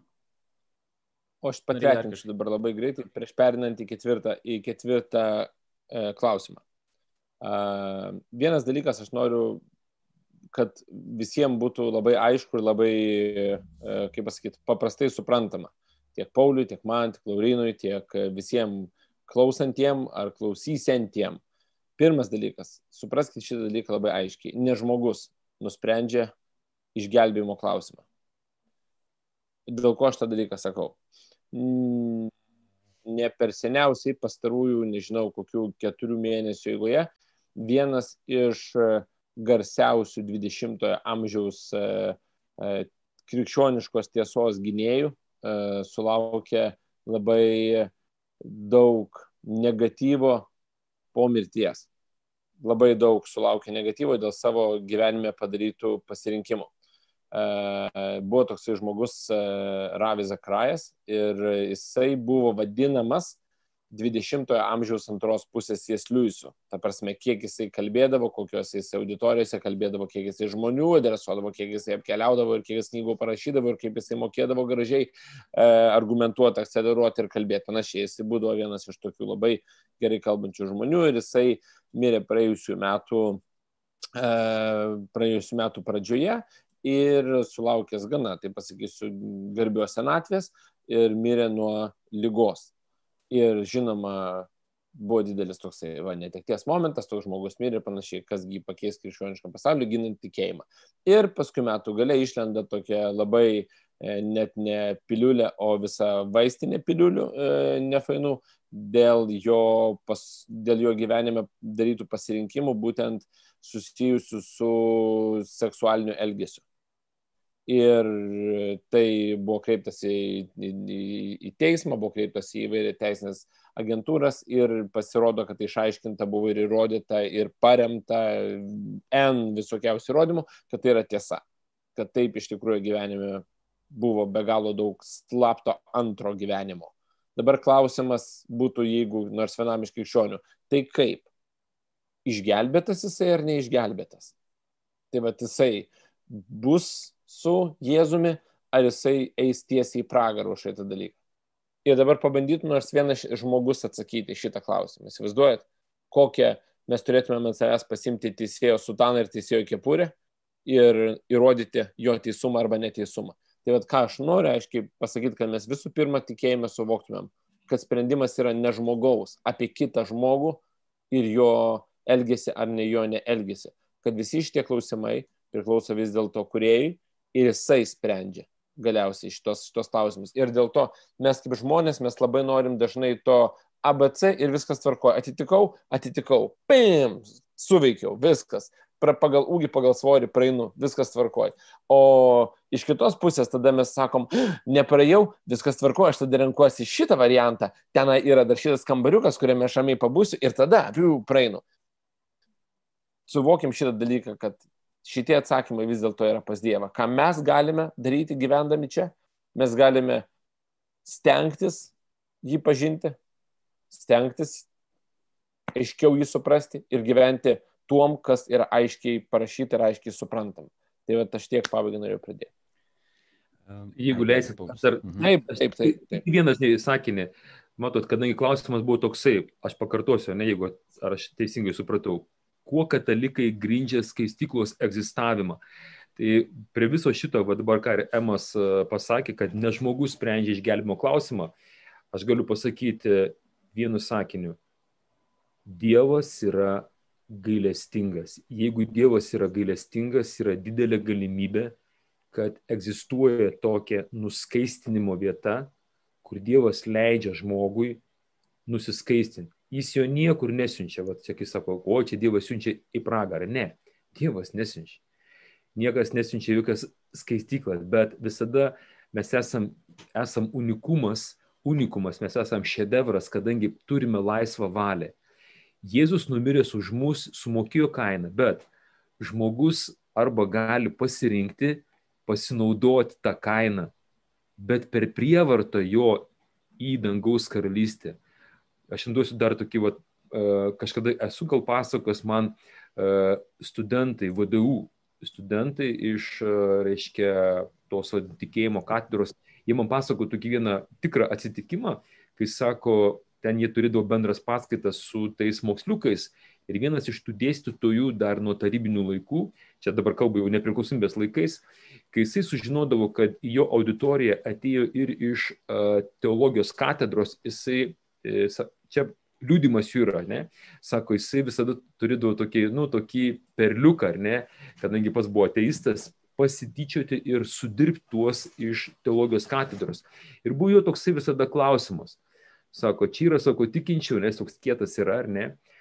Sako, klausykit, tikintis, va čia jūs esat studentai, ar gali Dievas sukurti tokį akmenį, kurio, kurio pats nepakeltų, jeigu sakot, kad ten tada tokį klausimą užduoda, ar jūsų Dievas visagalis, nu tada sako, jo, visagalis, nu tada užduoda šitą klastingą klausimą. Ir žinot, jam labai dažnai pavykdavo e, išeiti nugalėtojų, kol neatsitiko vienas iki toks momentas, kai kažkas iš studentų pasakė, taip, gali. Nu, nu, davai, davai, kaip čia pasakysi. Ir tasai studentas bedė, kaip sakant, pirštų jis sako, jūs profesoriu, esate tas akmuo, kurį Dievas sukūrė, kurio pats negali pakelti. Ir tas, ir tas būtent tikrai žmogus yra tas sėkmuo. Atsimenu, net Jėzus sako, jūs kaip gyvi akmenys statykitės į tą dangus karalystės uh, pamatus ar ne. Pasirodo, žmogus yra akmuo, kurio Dievas be, be, be žmogaus laisvos valios negali pakelti į dangaus karalystę. O štai čia yra toksai, sakykim, klausimas, kuo katalikai grindžia skaistyklos egzistavę begalinę meilę ir dovanotą neribotą laisvę eiti dangų arba neiti. O štai jums čia toks vat, atsakymas. Gerai, dabar aš turiu vieną pasiūlymą. Mes jau kalbam valandą, pabandėm adresuoti tris klausimus. Tai žiūrėk, mes dar turim tikriausiai valandą kokią laiką, nu iki devynių, bandysim čia dabar kažkaip apsisukti jeigu išeina, aš tokį lietuvišką paraginimą pasakysiu. Taip. Davai, vyrukai, trumpiau. Gerai, nes čia... Tai tu nuo savęs pradėk, laurinukai, visų pirma, ta prasme. Jeigu tu nepastebėjai, aš iš praktiškai negaliu net pro tavo barzdą įsiterpti čia iš visai tai šitą pokalbį. Barzdą. Dabar tu kalbė apie barzdą vien dėl to, kad pas tave nevyksta ten niekas. Pašiausiai. Pas mane jie tiesiog gražiai sutvarkyti, ne taigi pas tave, gal pas tave, žinai, tu neturi tų apsiskaitimo priemonių, žinai. Jo, gal, um, pas tave siūlymas kažkoks. Laurinai, jūs vis tik esate tas, kuris, tas, kuris moderuoja, tiesiog sakot, dvi minutės tiesiog irgi kartais, žinot, mes, mes, vat, mes su paužėmu, žinai, mes kaip sakant. Taip, mes galim kalbėti, mes galim kalbėti. Reiškia, sakai, minutė, 50 sekundžių. Niek, aš jums padarysiu, aš jums padarysiu po, po, po atskirą live stream, galėsit kalbėti. Mes galim uh, kalbėti. Aš pamatau. Gerai, e, einam tada, Daryk. šiek tiek bandom greičiau. Ketvirtas Davai. klausimas mūsų. Kokios yra Davai. trys svarbiausios vyro savybės, kokios trys svarbiausios moters savybės? Prašom, ne, prašom. Raumenis, raumenis barzda, kojos. Um, Išsamei atsakyti. E, savybės. Čia moters? Čia moters buvo ar kieno? Ne, tu, tikr, ne tu, čia tikras klausimas. Čia yra tikras klausimas. Kokios yra trys svarbiausios vyrojo, trys svarbiausios moters savybės ir šitas irgi kaip, wow. surinko nemažai tų, tų paspaudimų. Jeigu tu nesugalvoji, aš greitai pasakysiu ką ir viskas, nes aš turiu pamastymą prieš tai, kadangi mačiau. Gerai, varyk. Sakyk. Galatams Penktas skyrius. Dvasios vaisius yra meilė, džiaugsmas, ramybė, kantrybė, malonumas, gerumas, ištikimybė, romumas, susivaldymas. Tokiems dalykams nėra įstatymo. Čia ir vyrams, ir moteriams tinka tie patys, sakykim, dalykai. Jeigu norima, rašte galima žiūrėti, kad, sakoma, yra, vat moteris, žiūrėkit, kad būtų pasipošusius ten kuklumu, šventumu ir panašiai, o ne vien tik tais karoliais ir panašiai. Vyrai, mylėkit savo žmonas, taip kaip Kristus pamilo viešpatį ir pasiaukokit uh, už jas ir panašiai. Um, o jeigu nori trijų, visiškai tai yra tikėjimas, viltis ir meilė um, ir be meilės visi tie trys yra, na, nu, kaip niekas, yra trys savybės tokios. Tai aš, aš, trumpai aš būčiau, aš būčiau identiškai pasakęs tą patį dalyką, tikėjimas viltis meilė, aš norėjau, norėjau pasakyti, kad e, tik tai jie skirtingai labai pasireiškia tiek pas vyrai ir pas moterį viskas. Nu, ir kad tai Taip, trumpai tada tai... adresuok, kaip pasireiškia tada. Šitą, jo, ne aš pasakysiu, kad e, tikėjimas viltis ir meilė, aš turiu menį, kad mes vyrai e, galbūt dėl savo būdo galim vienaip šitą dalyką praktikuoti, moteris gali galbūt kitaip šitą dalyką praktikuoti, tiek tikėjimą, tiek viltį, tiek meilę. Ir mes vėlgi, vėlgi jūs puikiai suprantate, kad mes mylim ir savo meilės e, tą kalbą rodome labai skirtingai. Ir aš manau, skirtingai vyrai nuo, nuo moterų tą meilės kalbą rodo. Tikėjimas vėlgi yra skirtingai galbūt aiškiamas ir viltis yra perteikima vėlgi skirtingai, bet šie, aš sutinku su Taurinu šitie trys dalykai, aš manau, jie būtų teisingiausi. Ir e, kaip tik e, na, padėdamas, ar pasakyčiau, kad kvailai skambėtų kažkas tai, kas norėtų apibūdinti ir būtent pasakyti tą dalyką, kad vyrai turėtų, va, kaip sakau, ABC, tai tenai, žinai, tenai uh, raumenis, greitis ir tenai kas dar nes, nesivaizduoju, kas ten galėtų būti. Barzda.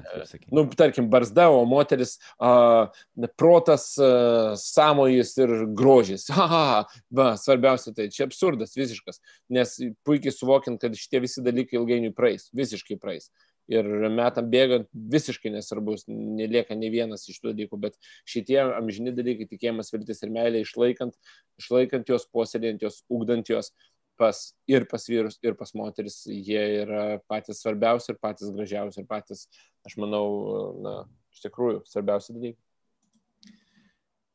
Gerai, jeigu Paulius, Paulius dar nori kažką įterpti, prašau. Amen.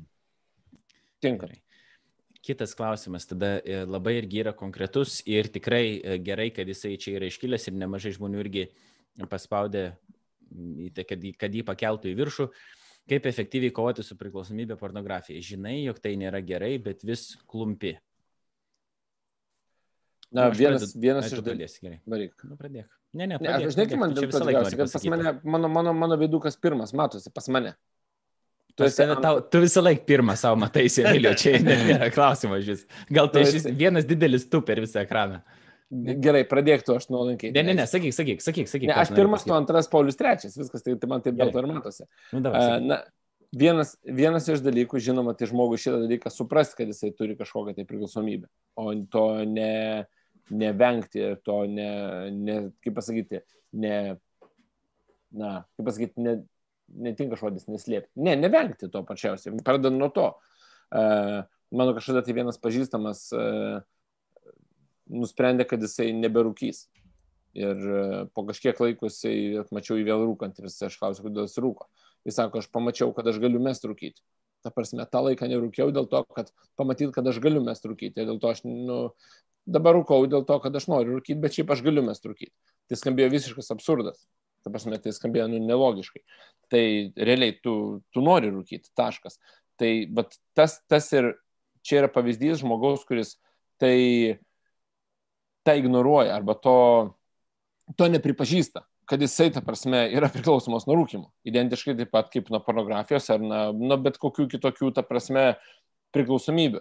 Matot, e, mintis yra, kas įdomiausia, kad gerai, klasifikuojant paprasčiausiai, tai pornografija žinoma, kad jinai turėtų jokių būdų niekada gyvenime nebūti prieinama tikriausiai, nu, tai pasakysiu taip, jaunimo arba vaikam. Taip jau, nu, aš pasakysiu griežtai, bent jau turėtų kažkiek tai būti, na, filtrai, stabdžiai, nu, kad vaikai to niekada net, net neprieitų. Bet, dabar išgirskite teisingai, mes jokių būdų neapsaugosim vaikų staigiai nuo priklausomybės nuo kompiuterinių žaidimų ir vaikas, būdamas vaikas, jam 12 metų, ten 13 metų, jisai gali naktim nemegoti ir jisai turi realiai fizinę priklausomybę nuo kompiuterinių žaidimų. Ir dabar pasakyti, vat, ar e, ten kažkokio tai suaugusio žmogaus priklausomybė nuo pornografijos yra didesnė, blogesnė už vaiko, tai čia jau labai sunku būtų pasakyti, nes tu matai, kad to vaiko gyvenimas nefunkcionalus yra visiškai.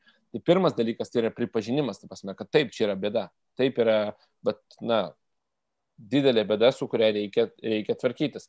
O tų tvarkymosi būdų, žinoma, yra N. Tai, bet visų pirma, aš tą norėčiau pasakyti, pripažinimas. Jeigu tu nepripažinai, tai tu net nejudėsi tą pusę tvarkymosi, net, net, na, net nebandysi to šito klausimo išsispręsti savo. Tai nesvarbu, ar tai būtų uh, vėliau, žinoma, kaip aš sakau, alkoholis ar tenai rūkimas, ar kompiuterinė žaidimai, ar pornografija. Tai yra be galo didelis sukaustančios priklausomybės. Bet jeigu to žmogus nepripažįsta, tai, na, aš, aš nuo savęs tą noriu pasakyti, kad aš susiduriu su tom, kad žmonės vengia to pripažinimo paprasčiausiai. Okay. Nu, gerai, tada tą mintį mes priimam. Pauliau, tu, tu norėsi kažką, aš porą minčių irgi pasakysiu trumpų, jeigu nori, tada tu dabar yra tam tikri dalykai, matot, jūs mato, mano foną matot, aš esu tokioj mediniai trobelį ir gyvenu pakutų vienose, tai yra mūsų buvęs ir šiuo metu vis dar esantis e, toksai centras, kur žmonės gali atvažiuoti, kurie turi, kurie yra įkalinti tam tikrose priklausomybėse įvairiausių rūšių. Nuo alkoholio, narkotikų, azartiniai lošimai, pornografija ir taip toliau. Tai vad, e, pirmas e, žingsnis sako, kaip efektyviai kovoti su pornografija, tai paantrinsiu EMA. Pirmas žingsnis, tai yra pagal 12 žingsnių programą, kurią sukūrė krikščionis, tai yra pripažinti garsiai, neviniuojant į vatą, pasakyti, turiu bėdą, pripažįstu. Tada antras žingsnis, o ką daryti?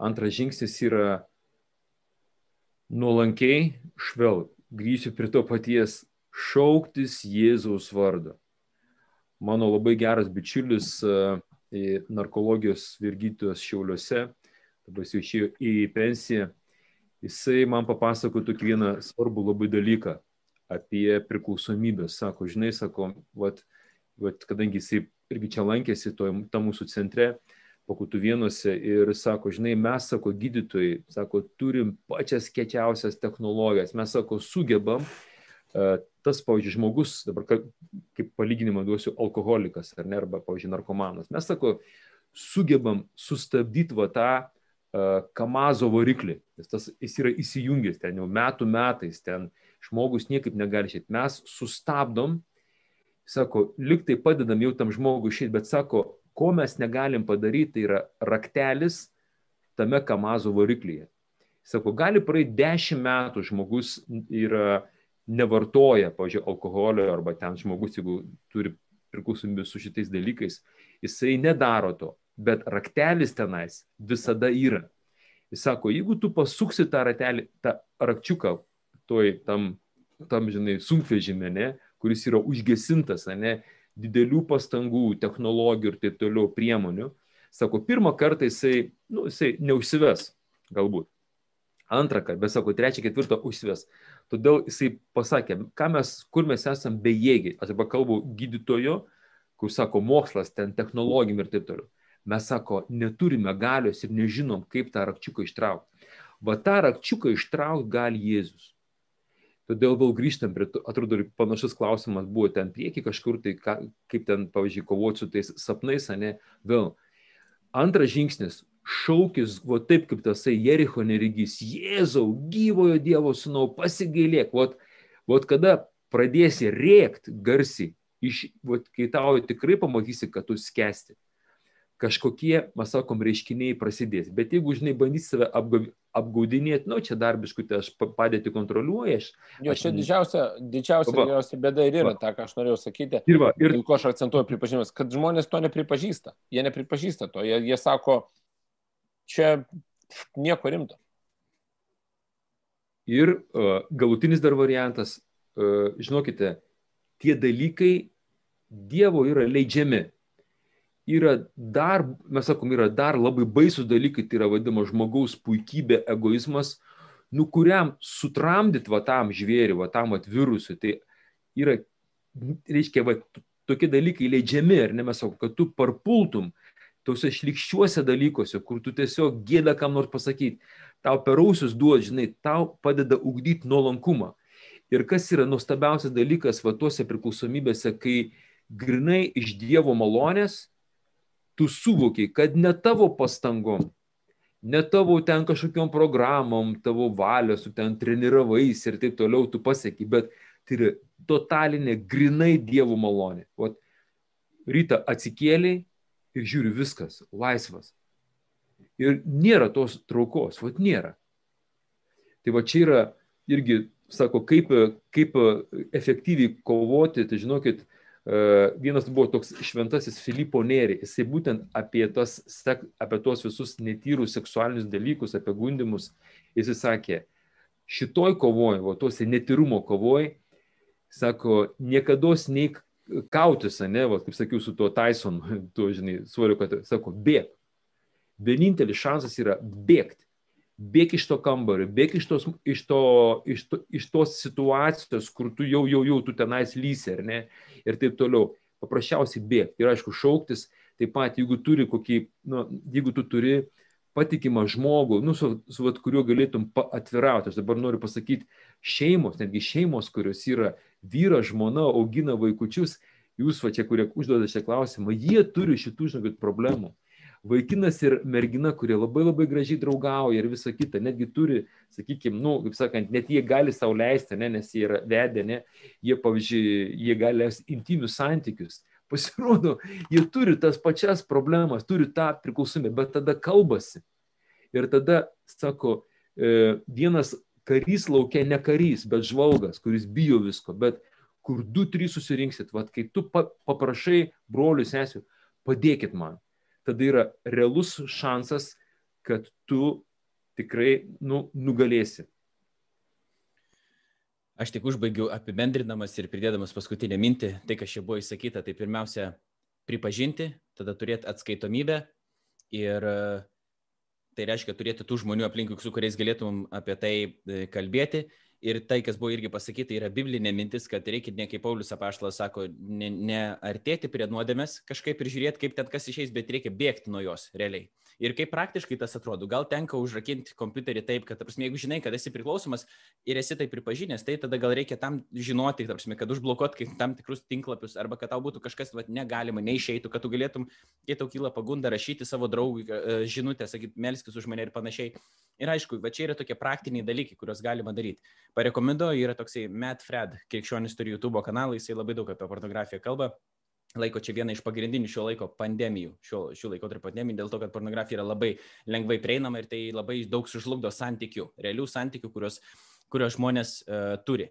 Ir aišku, galiausiai yra malda ir kas, ką Paulius sako, kad yra įmanomas ir išlaisvinimas, o toks to rakčiuko ištraukimas. Aš pats žiūrėjau pornografiją nuo 22 iki 26 metų kažkur, iki pat savo įtikėjimo. Ir ir kai, bet viena iš tokių, nu, rezultatų, ne vienas iš rezultatų, bet, sakykime, vienas iš tokių paliudijimų, kad kažkas įvyko mano gyvenime, buvo tai, kad Jėzus ištraukė tą rakčiuką tuo momentu. Ir man taip buvo atsakyta ta mano malda ir nutraukta šitą priklausomybę. Bet aš pažįstu draugų, kurie melžiasi jau daug metų ir jie kovoja su to kiekvieną dieną. Aš kovoju su kitais dalykais toliau vis dar, ne? Su šito kažkaip yra, atrodo, ir negaliu sakyti, kad yra pavykę susitvarkyti pačiam, to labiau ne, pats tai tikrai net nesusitvarkiau. Bet aš žinau, kad jeigu aš prilišiau prie tų dalykų, kaip su Ravi Zakarais, kad buvo Remas truputį čia minėjo, jeigu tu ribą truputį kažkokią peržengi kažkurioje vietoje, po to labai lengvai yra slysti nuo to kalno, gali tą rakčiuką atgal kišti ir tada važiuoti uh, su juo. Tai ir tada vėl tenka bėgti, vėl turėti atskaitomybę vėl tenka bėgti ir kaip yra parašyta, taip pat kas, žiū, kas stovite žiūri, kad nenupultų. Nu tai va, tai pripažinimas, atskaitomybė, malda ir, ir, ir tokiais būdais mes e, kovojam. Toliau. Nu, čia yra toks klausimas, pabandysim kažkaip mes uh, irgi trumpai į atsakyti, nors iš karto galim pripažinti, kad jis yra labai konfesiškai angažuotas. Nu, skirtingos krikščioniškos. Tas žodis. Tas žodis jisai e, atsakytų neišvengiamai skirtingai į, šitą klausimą. Tiesiog yra atskiri mokymai šito dalyko, kada jisai vyksta. Tai yra dvasios krikštas. Ir vienoje bendruomenėje katalikų, sakykime, vienai pats sakytų, gal uh, pravoslavai kitaip, sėkmininkai dar kitaip, baptistai dar kitaip. Ir, ir tiesiog žmonės nu, labai priklausomi nuo savo tos, um, nuo tos konfesijos atsakytų. Tai kadangi... Vien, aš, leisk, aš, nu, leisk, aš bandysiu jį paprastai pasakyti. Pirmas nu. dalykas, kad e, žmogus ieško atsakymų visada, visų pirma, šitą dalyką supraskim e, taip, kaip kad jisai nori, kad jam būtų patogu. Kad, jisai, kad jam visų pirma, kad jam būtų patogu. Nes jeigu atsakymas būtų, tarkim, įsivaizduok, ir teisingas, na tarkim, mhm. bibliškai pagristas ir pasakyti, va čia daugmaž ir graikų, ir hebrajų kalboje yra būtent taip, bet žmogus taigi pasijaustų, kad bet man tai labai nepatogu. Atsakymas, man fiziškai tai nebepatogu. Tai reikštų, kad a, man kažką kitką reikia daryti. Tai žmogus šitą sakytų, nu, tai aš ieškosiu kito atsakymo. Pradedant nuo to. Iš tikrųjų, taip, taip yra. Tai kas liečia šitą klausimą, va šitą konkrečiai dvas kryštą, aš esu girdėjęs ne vieną pokalbį ir aš esu dalyvavęs, ne vienam pokalbį susijusiu su šito dalyku. Tai vienas momentas, ką bent jau galėtumėm tikrai mes visi sutarti, kad e, toksai dalykas kaip šventosios dvasios veikimas, jisai egzistuoja. Ir jis yra tikras, ir jis yra labai aiškus, ir jis yra konkretus, ir jis yra gyvas. Vėliau žmonės pagal savo tradiciją, pagal savo patirtį, labai dažnai pagal savo na, patogumą, toliau šitą dalyką įvairiai jau libdo ir įvairiai jau statydina.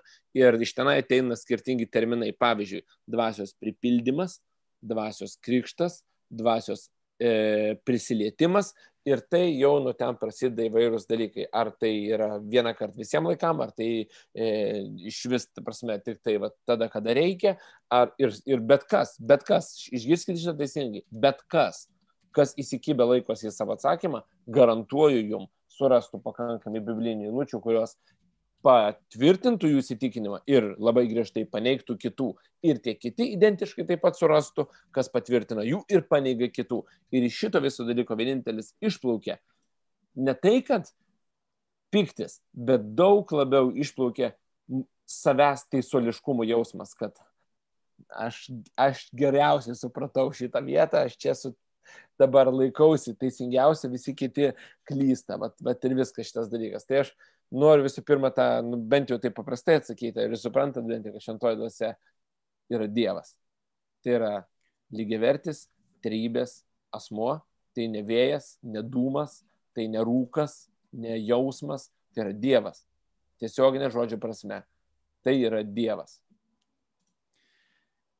Jeigu galima, aš tada trumpai irgi pasakysiu, čia su kuo visi irgi neišvengiamai krikščionis e, sutinka su tuo, nes tai yra parašyta šventajame rašte ir ką Emilius irgi pasakė, taip, šventoji dvasia veikia, jinai yra Dievas, e, mes yra parašyta Jono trečiam skyriui, kai Jon, e, Jėzus kalbasi su Nikodemu, kad jeigu jūs neatgimsite iš dvasios, neįsite į dangaus karalystę, Tai kad įvyksta tas vadinamas ir dalykas atgimimas iš šventosios dvasios, kaip jisai ten tiksliai skirstomas ir panašiai, čia jau yra tie konfesiniai tada tie klausimai. Bet aš šiandien, man atrodo, dar skaičiau, Jonas sako, Jonas Krikštytojas dabar sako, aš krikštai jūs vandeniu, atgailo, nu, atgailai, bet po manęs ateis galingesnis už mane, kuris ja. krikštis jūs šventąją dvasę ir ugnimi. Tad, kad ir kaip tai reikėtų suprasti, tai daro Jėzus, tai vyksta per šventąją dvasę, ir vyksta kažkoks, sakykime, tas galingas toks dalykas, kuris priartina mums prie, e, prie Dievo karalystės. Ir kad šventoji dvasia neišvengiamai e, dalyja dovanas, kaip jai patinka. O toliau jau sakau, čia, čia sutinka visos konfesijos uh, su šitais dalykais. Čia nėra tokio, nu, nesu girdėjęs apie konfesiją, sakykime, krikščionišką, kuri nesutiktų su tuo. Tai va, tai tikriausiai tiek reikėtų ir čia pasakyti, nebent dar kažką, Emai, norėjai sakyti. Ne, ne, bet tos, viskas. Net nė, nėra, nėra prasmės. Amen. Gerai, judam toliau.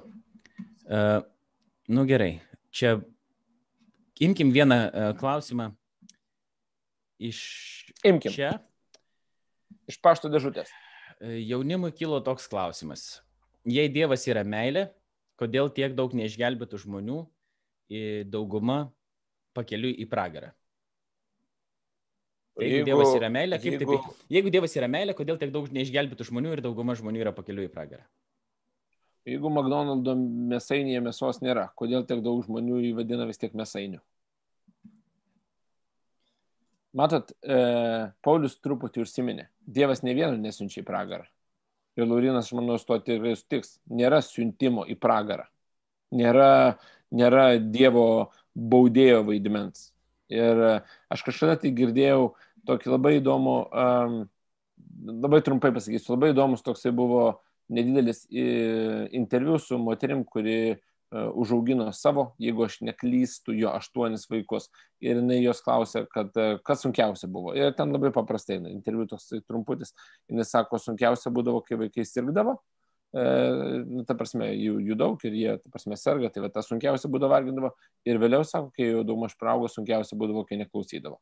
Tai ir aš to nelabai supratau šitos esmės, kai neklausydavo. Atrodo, ir paskui praėjus šiek tiek laiko man tai atėjo kaip toksai, buvo, aiškus supratimas. Kai tu mylimam savo žmogui, šiuo atveju vaikui savo, nu, tu gyvenime nesakysi nieko, kas jį kas jam pakenktų. Niekada. Nepasakysi jam, kas jam pakenktų. Nepasakysi nieko blogo, kas jam ta prasme būtų, nes tu jį myli. Ir kai tu jam sakai iš tikrųjų visą laiką, tik tai tai, kas jam į gerą bus, ir tu matai, jis tavęs neklauso. Tai reiškia, viską, ką jis darys, bus priešingai. Tai tai yra be galo sunku tau, bet tu dėl to nieko negali padaryti. Mes, šia, mes šiai dienai turime, e, turime šventąjį raštą, galime skaityti, galima gilintis, galim aiškinti, bandyti klaus klausimus, galim bandyti praktikuoti tikėjimą. Tad žmogus padarys pats visą laiką pasirinkimą. Ir, ir čia yra tikriausiai pats sunkiausias dalykas. Aš pats uh, auginu, įsivaizduoju, keturis vaikus, tai vad pavyzdys yra tas, kad, na, tiesiai šviesiai, nu, jeigu aš matau, kad kažkas yra ne taip ir aš sakau, nu, šito nedaryk, nes gali kažkas atsitikti negero, ne ir, na, tarkim, su mažiausiu paprastai pasakysiu, lipais ant kėdės, kuri gana aukštai yra. Na, na daug, daug yra šansų, kad nukris ir skaudės jam. Mano neleidimas ir prašymas nelipti dažnai būna neišgirstas. Nu, ir aš tik tai galiu išgirsti, bum, kai, aš, kai jisai pasirinko lipimo momentą, kai aš nemačiau, nes jis žino, kad aš neleidžiu. Tai ką, aš baudėjęs, aš turiu kėdę sudeginti namuose, nupjaut kojas visom kėdėm nu kaip, ta prasme. Tai va, čia labai paprastas mano primityvus pavyzdys. Dievas nėra baudėjas, į pragarą siuntėjas, e, Dievas yra iš tikrųjų meilė. Jo meilė tobulai pasirodė ant kryžiaus. Pauliu, tu nori kažką pridėti, tada aš užbaigsiu šitą klausimą. Emos pasakė viską labai teisingai ir aiškiai. Gerai, tai aš tik, nors Semas pasakė viską teisingai ir aiškiai, aš noriu užakcentuoti tą e, momentą, kad e, jeigu pragarą mes galim suprasti kaip e, tokią vietą arba tokią būseną, kuri yra atskirtis nuo Dievo, o turim omeny, kad Dievas yra meilė, Dievas yra gyvenimas, Dievas yra tiesa, Dievas yra ramybė, Dievas yra džiaugsmas, Dievas yra visi kiti tobuliausi dalykai, kurie yra. Ir jeigu mes neturime jo, neturime santykio su juo ir dėl to neturime jo, tada reiškia, mes nepatirėme visų tų dalykų. Yra pasakęs uh, Augustinas, Aurelius Augustinas, kad uh, blogis nėra kažkokia substancija, jis yra gėrio trūkumas. Tai ir ta pragaro būsena tai yra Dievo trūkumas, kuris yra visi šitie tobuli dalykai. Kodėl dabar Dievas per prievartą neįgrūda visų pas save, sakykime, su savim? Dėl to, kad jis, kad santykis neveikia per prievartą. Santykis yra visą laiką jo sąlyga yra laisvas pasirinkimas. Negalima nieko priversti turėti santykių. Dievas galėjo padaryti robotukų armiją, jis nusprendė sukurti mus laisvus kūrinius, kurių pasirinkimai turi pasiekmes. Arba arčiau gyvenimo eina, arba toliau nuo gyvenimo eina. Jis į mumis kviečia, jis nuolat tą daro, o mes darom tą savo, savo pasirinkimą. Iš principo čia yra mūsų pasirinkimo pasiekmes. Ar einame arčiau Dievo, kas yra gyvenimas, džiaugsmas, meilė ir visi kiti dalykai, ar toliau. Ir ko, klausimas tada, kodėl yra tiek daug, daug nesirenkančių jo, va čia jau yra klausimas tiem patiems žmonėm, sakim, kurie renkasi arba nesirenka Dievo, kodėl tu pasirinkai, o kodėl tu nesirenki. Aš tik tai dar vieną tokį, irgi, mhm. Laurinui galėčiau tik tai pantrinti. Vienas dalykas, kuom viešpas yra tikrai viešpas, tik tai jis, jis tik tai tokį, tokį gelbimo planą gali turėti, kad, ko gero, jis vienintelis sugeba nubrėžti tiesią liniją su kreivo liniuotė. Kokiu mes nesąmonių be pridarytumėm, jis sugeba išvesti į gerą. Nes žino, iš kokio iš kokio molio mes esam drėpti ir kaip esam pažeisti nuodėmės. Tai čia irgi, e, kas betsitiktų, va čia būtų toks galų praktiškas, neišsigaskit. Tikrai atrodo, kad viskas be šansų. Tas galutinis, galutinė, galutinė sekundė, kur jums atrodo viskas, jis jau pražuvo, pas viešpatį ta galutinė sekundė, jinai gali būti, nežinau, valandos dydžio, gali būti dienos dydžio, kokią tik nori. Ir per tą laiką jis jau sprendžia, kaip ten bus finale. Tai va tas ir mes, ta viltis, viltis, jis yra meilė, jis va gėrės, va kaip, kaip ką tik Laurinas sakė, Dievas yra visi šitie teigiami punktai, taip kad aš manau, nu, aš turiu tokią viltį, kad jeigu yra pragaras, jis yra tuščias. Nu, turiu tokią viltį. Gerai, bandom mm, tada toliau eiti. Ar verta, ar blogai yra žmogui rūpinti savo finansinę gerovę? Iki kokio lygio galima pušinti save uždirbti daugiau? Iki lygiai 2, 2 milijardų. Viskas tęsiam. 2, 2 milijardai. Nesirūpinti pinigais, kai pavyzdžiui užtenka nuo algos iki algos. Nu, nu, bet jeigu... Praktiškas labai klausimas. Tu, Emilio, labai daug uždirbi, pavyzdžiui. Gerai, aš tada atsakysiu. Aš atsakysiu. Uh, šito klausimo. Ir paskui tada oligarchas Paulius tegul pantrina gerai. Ir ne kiekvienas gali sau leisti rastiniam namukė gyventi, aš tiek, tiek pasakysiu. Taip. Mes paprasti gipso kartonų sienų turėtojai šitą suprantam. Vienas, aš pasakysiu, kaip pasakyti, paprastai. Nėra atsakymo, ar, ar daug pinigų yra gerai, ar mažai pinigų yra geriau negu daug. Tame esmė nėra. Uh, Esmė yra paprasčiausiai ir, ir pats pagrindinis dalykas, kokia yra tavo intencija. Iš tikrųjų, Laurinas šito dalyką puikiai žino, aš jam daug kartų esu sakęs, kai jisai norėjo tapti be galo turtingas ir įtakingas, aš jam sakiau daug kartų, kad pagrindinis dalykas yra tavo intencija, kam tau to reikia. Kam iš tikrųjų šito dalyko reikia, dėl ko tau to reikia. Automobilis lieka vis tiek transporto priemonė, telefonas vis tiek lieka komunikacijos priemonė, namas ir būtas vis tiek lieka būstas, kuriame mes turime būti ir galiausiai lova, kurią, kurioje mes mėgam, vis tiek tik tai mūsų kūną tą talpina ir mes ten einam iš tikrųjų, kad pailsėti. Dabar skirtumas yra toksai, kad tu nori nebe transporto priemonės, o transporto priemonės, kurie žavėtųsi kiti. Telefono ne to, kad kuriuom paskambinti, bet to, kurį matytų, kad tu jį turi, arba to, kurį galėtum tu pasigirti namų ne tose, kuriuose tu galėtum gyventi, bet tose, kurias galėtum tu parodyti. Ir čia vat, viskas tas pasikeičia. Bet iš esmės tie daiktai ir vis tiek lieka tie patys. Rūbai vis tiek lieka tam, kad mes nesušaltumėm. Iš tikrųjų, nu, tiesiai šviesiai, ne, nemeluojant nesimaivant. Ir pavyzdžiui, nu dabar tiesiai pasakysiu, vat, Laurinas turi juodos spalvos ausinės, jos kainavo, nežinau, 12 eurų kiam centų tikriausiai, ne? Pas mane baltos spalvos yra ausinės, jos kainavo 3,99, ne? Paulius ausinių net neturi. Tai vad pavyzdys tas. Bet dabar įsivaizduokit, jeigu netyčia Laurinas nerimautų ir jo gyvenimą būtų apėmus iš tikrųjų įtampėlę, kad jisai nori būtent šitų ausinių už 12,40, jisai jų nori. Ir, ir man jam pasiūlys, sakysiu, va čia mačiau Rimiuose 3,99 yra jisai ignoruotų mano pasiūlymą. Tiesiog neprasme, jisai ignoruotų jį, kad, nu, durniukas tu esi, ką tu nesupranti, 12.40, tokias yra per galvikį eina mano tą nepatogią šukosnę prispaudžia ir visi tie dalykai, bet taip jie vyksta. Tai vad kokia yra tavo intencija? Ar tu ausinių nori tam, kad girdėti, ar tu nori kažko tai daugiau, kad ir kiti pamatytų ir žavėtųsi. Ir taigi visas absoliučiai šio laikinis pasaulis, e, pradant TikTokų, Instagramą ir senukų Facebookų, tuom paremtas. Tik tai ant to dalyko ir laikosi, kad visi žmonės nori kažką parodyti kitiem žmonėm, kad kaip yra pas juos, kad kiti, tie matantieji, irgi norėtų to paties, kad pas juos irgi tai būtų. Yra amžinos lenktynės. Ir žinot, tas nuostabiausias pasakymas - žiūrkių ratas, uždarytas. Ir tu jame bėgi, bėgi, bėgi, bėgi, bėgi, bėgi. Ir atbėgi supratai, kad vis tiek ta lovai, kurią guliuosi, yra skirta mano poilsiui. Ir niekam net neįdomu, kokiam jinai name jinai stovi. Ir galiausiai koks pas kiemas ir kokia tenai mašina ir koks telefonas šalia tos lovos guli, bet jį niekas neskambina. Tuos dalykus svarbiausia suprasti gyvenime ir iš tikrųjų. Bet kaip Paulius labai teisingai pasakė, kai tau yra 16-17 metų, tu apie tos tikriausiai ne, negalvoji, tu nori pušinti. Tu nori pušinti ir tu nori tuos dalykus turėti. Bet patikėk, kai tau ateis tikriausiai 26, gal 36, gal daugiau, aš tikiuosi, kad tas momentas suvoks, kad automobilis tai yra transporto priemonė iš tikrųjų, ne telefonas, komunikacija, o namas iš tikrųjų gyvenimui ir, ir už šeimą, ir vaikų auginimui, ir svečių prieimimui. Tiek.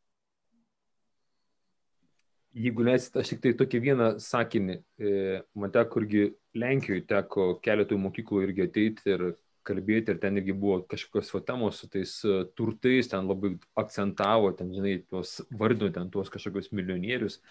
Žinot, kažkaip e, tokia, vat, tokia, tokia buvo mintis, nežinau, iš, iš kur ten pasigavau. Sakau, liaudis, turtingas ne tas, kuris turi, bet tas, kuriam nereikia. Ir ten toks buvo, pavyzdžiui, pavyzdžiui, kažkas sako, žinai, jis kažkom ten, nu jis kažkom ten super yra, pavyzdžiui, jis ten turi asmenį lėktuvą. Aš galvoju, pakūtui asmenį lėktuvą. Nu, kam jis man reikalings? Kur tu nuleistum jį, ne, to malūnspario reikia. Griozdas, įsivaizduoju, žinai, vienas dalis, man jo visiškai nereikia. Ir pavyzdžiui, lyginti, mes sakom, taip yra naivu ir juokinga lyginti, pavyzdžiui, ir stengtis turėti kažką tokio, ko man visiškai nereikia. Sakau, turtingas ne tas, kuris turi, bet tas, kuriam nereikia. Ir paskutinė mintis yra tokia, kad uh, Dievui, čia Emilius mane auklėjo kažkada šitą dalyką, man atrodo, čia gal perfrazuota bus ta mintis, kad Aš, ta, aš atfrazuosiu ją įtinkamai, jau kas. Nereikia, tu jo, nes jeigu tau vėl tu pradėsi pasakoti, mes neišeisim iš to klausimo niekad gyvenime, nepauklijus. Kad Dievui iš tikrųjų nerūpi, kiek mes turim pinigų ir turto, jam svarbiausia, ką mes su juo darom. Dar kitas yra momentas, tada yra, nu, kad iš principo tas yra labai daug pražiūrima, bet Jėzus be galo daug kalbėjo apie pinigus. Dėl to, kad A, prie jų yra prisirišę, nu, arba turtą bendrai sako, nebūtinai pinigai, bet turtas. Prie jų yra prisirišusi mūsų širdis dėl to, kad mes juose ar tame turte mes e, randame savo tam tikrą prasme išganimą ir išgelbėjimą. Užsitikrinam savo viską. Tai čia yra vienas dalykas. Antras dalykas, kad Jėzus, tai dėl to jisai tiek daug tai akcentavo. Antras dalykas yra, kad kaip su davimu yra. Nes tas pušinti, tu gali pušinti, pavyzdžiui, save pušinti, pušinti, pušinti, bet ar būtinai tie pinigai visi tau turi eiti. Klausimas yra tada, kiek mes pasiliekam ir kiek atiduodam. Tai va, tai čia tokie yra dalykai, kad, nu, reikia apsvarstyti ir, ir vieną, ir kitą.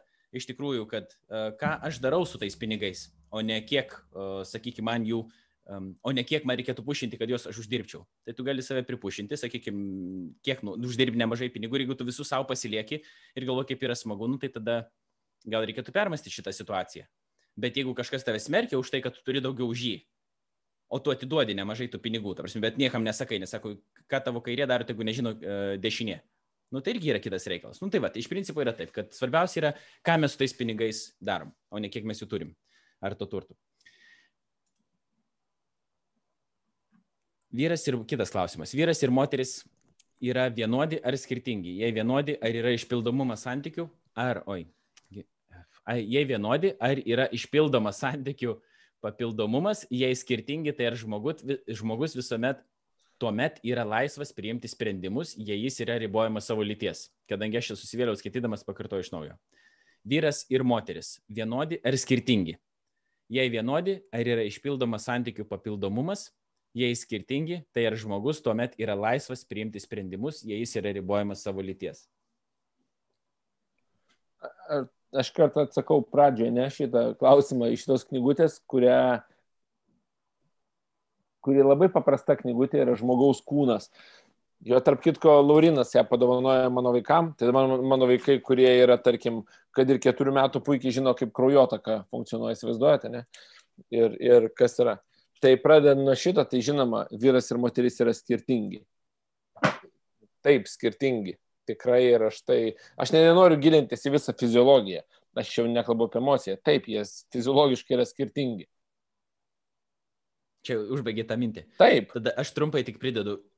Nu, ir atrodo yra faktas, nežiūrint biologiškai, kad vyras ir moteris yra skirtingi, taip pat mes atpažįstam, ta prasme, tų elgesių tam tikrų uh, modelių ir, ir, ir panašių dalykų, kur galėtumėm labiau priskirti, sakykime, pastebime šitoje lytyje labiau pasireiškinčius, o tuos labiau pastebime šitoje lytyje pasireiškinčius, bet čia toli gražu nėra diskriminacija. Nes, žiūrint dabar taip jau bibliškai, skirtingumas nereiškia neligumo. Vyras ir moteris yra vienodai lygus. Dievas sukūrė Adam, žmogų sakoma, vyrą ir moterį sukūrė jis. Dievas sukūrė žmogų ir sukūrė kaip vyrą ir kaip moterį. kurie yra lygus savo prigimtiniu orumu ir nei vienas nėra aukštesnis už kitą. Ir jeigu čia yra dabar baime, kad vyrai, ta prasme, kažkaip žemina moteris ir panašiai, vyras neturi teisės tokios, e, taip, sakykime, elgtis, taip daryti. Ir Efeziečiams, dar kartą man atrodo, Efeziečiams laiškė yra parašyta, kad vyrai tegu myli savo žmonas taip, kaip Kristus pamilo bažnyčią ir aukoja už ją save. Tai nors yra skir skirtingumas, tame, sakykime, lyčių, egzistuoja lyčių papildomumas, kuris reiškiasi santokoje, ką mes matom, ten galima atrandamas tas, sakykime, tas pil, pilniausias uh, litiškumo pasireiškimas. Uh, ir taip yra. Toks dalykas. Ar tai neriboja dabar, uh, ar žmogus yra laisvas priimti sprendimus, jei jis yra ribojamas savo lyties?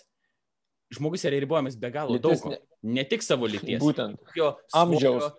amžiaus kur jisai gyvena, kokioje šalyje, ta prasme, jis yra ribojamas be galo daug dalykų. Mes turim pakankamai daug laisvės daryti savo pasirinkimus, bet mes nesam absoliučiai laisvi, nes vienintelis absoliučiai laisvas yra Dievas. Tai mums daro įtaką be galo daug dalykų, o ne tik, sakykime, ribojimas vienoks ar, nu, lyties, pavyzdžiui, atžvilgių. Bet dabar prie Pauliaus einant galima paklausti, kadangi nu, Paulius negyvena santokoje. Ne, tai ir tada kyla klausimas, kaip tas va, lyčių papildomumas. Ne, ir kad Kristus negyveno santokai, mūsų viešpats Jėzus, o jisai buvo, mes laikom, tobulas žmogus, e, tobuliausias. Ne? Tai va, kaip Pauliu, kaip tu reaguoji tada į šitą klausimą?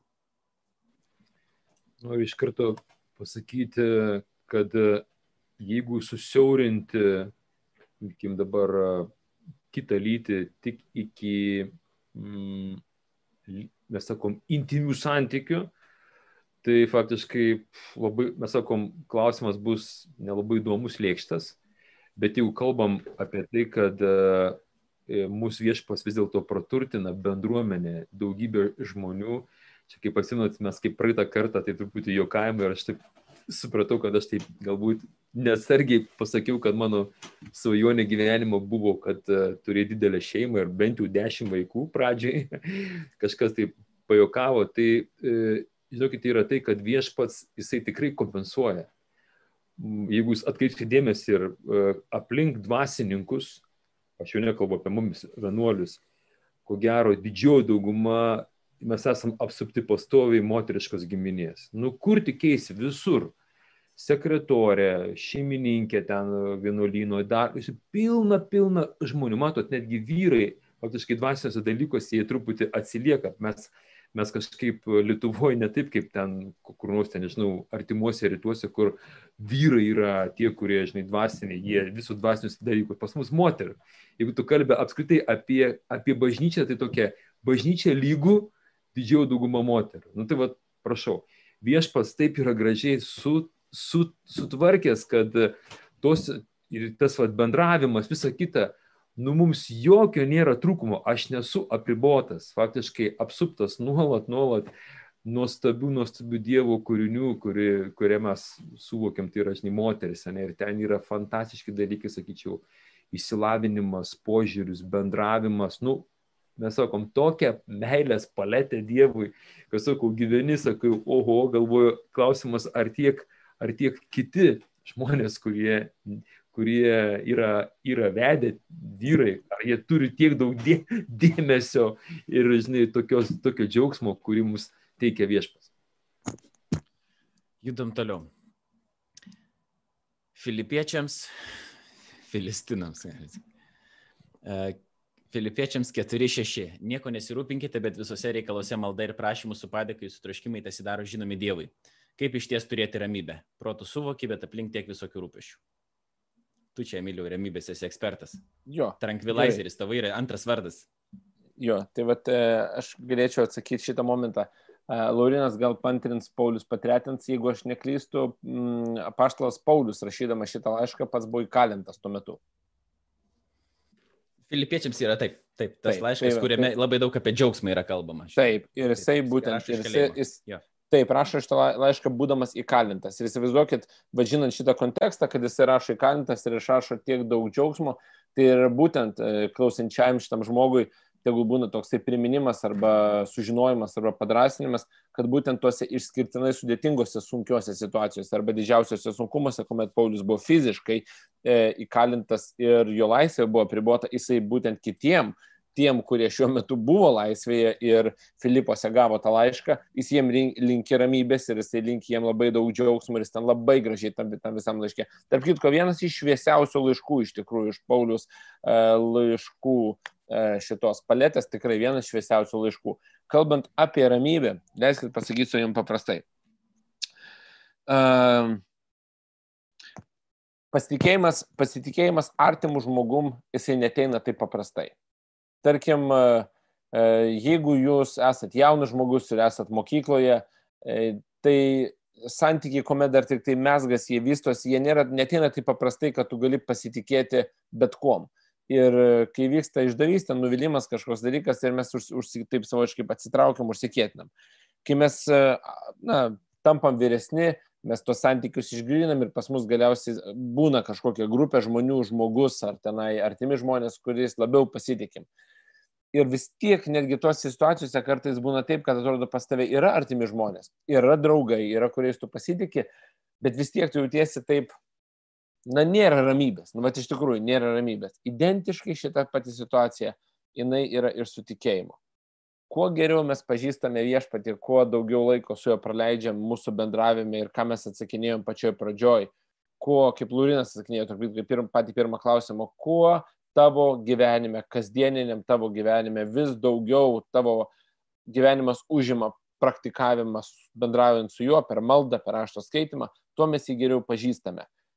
Ir patikėkit, kai mes jį vis geriau pažįstame, mes suvokiam, kad nesvarbu, kokia iš tikrųjų situacija būtų, kad jisai ir yra ramybės davėjas. Ir Pauliaus šitie parašyti žodžiai, kad iš tikrųjų su dėkojimu visuose dalykuose mes galime ateiti pasiprašyti ramybės. Bet, aš kaip pasakyti, nenoriu savęs nuneiti, bet mes turime pažinoti tą, pas kurį ateinam. Jeigu mes nelabai jį pažįstame, tai mes net su neramybė ateisim pas jį, nes mes būsim neramus, ar jisai atsakys mums. Mes neturėsim ramybės. Tai vat, visų pirma, stenkimės jį geriau pažinti. Ir tai pats ir savęs yra ir suteikia ramybės. Jisai yra vadinamas ramybės dievas iš tikrųjų. Laurina, tau ramu. Visiška ramybė, neturiu ką atsakyti daugiau. Pauliau, nu tu nors nu, šiek tiek ramybės turi, ne? Nu, šituo laikotarpiu ją sunku išlaikyti, bet vidinė ramybė šalom yra. Dėka jau čia jūsų visų maldų. Gerai, judam tada toliau. Nu, toksai riebus klausimėlis čia mums likus e, keliom minutėm, bet nu, mes aišku jį imsim ir bandysim žiūrėti, ką čia galima su juo padaryti. Tai pradėkime nuo tras, Laurinai. Kodėl tiek daug smurto Senajame testamente, žudamos tautos, vaikai, moteris, kaip tai susijęs su Naujojo testamentu ir Kristaus pasiaukojimu? Nu, va, tavo, tavo yra grinai specifika smurtautojo. Taip. Varyk. Oi. Čia aišku yra, be, visų pirmiausia, tai ką reikia padaryti, e, kad e, pripažinti, kad čia nėra lengvas klausimas. E, be abejo, mes tą turim suprasti ir kad šitas klausimas iš vis kyla žmonėms, tai reiškia, kad mūsų tas moralinis kompasas dar kažkiek veikia. Mes suprantam, kad smurtas, žudimas, ta prasme, visi tie kiti dalykai, tai nėra gera. Dabar, kai mes einam prie šitų tekstų, mes turim turėti omeny, kad uh, ir tada mes turim omeny kitą vertus, kad koks yra Dievo charakteris, kad Dievas yra meilė, gėris, teisingumas, malonė ir visa kita. Kai mes einam dabar prie šitų tekstų ir vadinamo Senojo testamento arba tos senosios sandoros, mes uh, turim suprasti kontekstą, kad mes einam prie tam tikros kultūros, kuri nėra mums pažįstama tokio 20 mes, amžiaus. 21 amžiaus, emai dabar jau yra 21 amžius. 21 ne, nu, pajaukavom, pajaukavom užteks. Gerai. 21 amžiaus e, kultūra, kad, kad, kad yra tam tikri dalykai, kurie mums atrodys nu, visiškai nelogiški ir nesuprantami. Ir jeigu mes sugebėtume, ir dažnas žmogus, kuris, sakėm, kritikuoja Senąjį testamentą, kritikuoja iš 20 amžiaus, 20, 20 pasakiau, 20 amžiaus, 21 amžiaus perspektyvų, uh, net nesigilindamas į tai, kaip ta kultūra atrodo. Nepaisant to, mes vis tiek, aišku, pripažįstam, kad tas, tai yra blogis. Bet dabar, ką daro Dievas toje situacijoje? Jeigu paskaitytumėt jūs Jonos knygą, kai Jona buvo siunčiamas į Ninevę, kuri buvo žiauri tauta, ten gyventi žmonės. Ir Jona buvo kaip pranašas taip pasipiktinęs Dievo gailestingumu, kad jisai pasigailį šitai besielgiančių žmonių, kuriam atrodytų pagal teisingumą, mat Jonai, atrodo, pagal teisingumą jie turėtų būti visi sunaikinti. Dievas jį siunčia, Jona bėga ir galiausiai jisai vis tiek atsiduria Ninevei ir Dievas pasigaili kiekvieno dėl to, kad visi atgailauja. Tai reiškia, pakeičia savo mąstymą, pakeičia savo kelius, nes išgirsta, kad prasme, tai, ką jie daro, yra neteisybė, didelė neteisybė.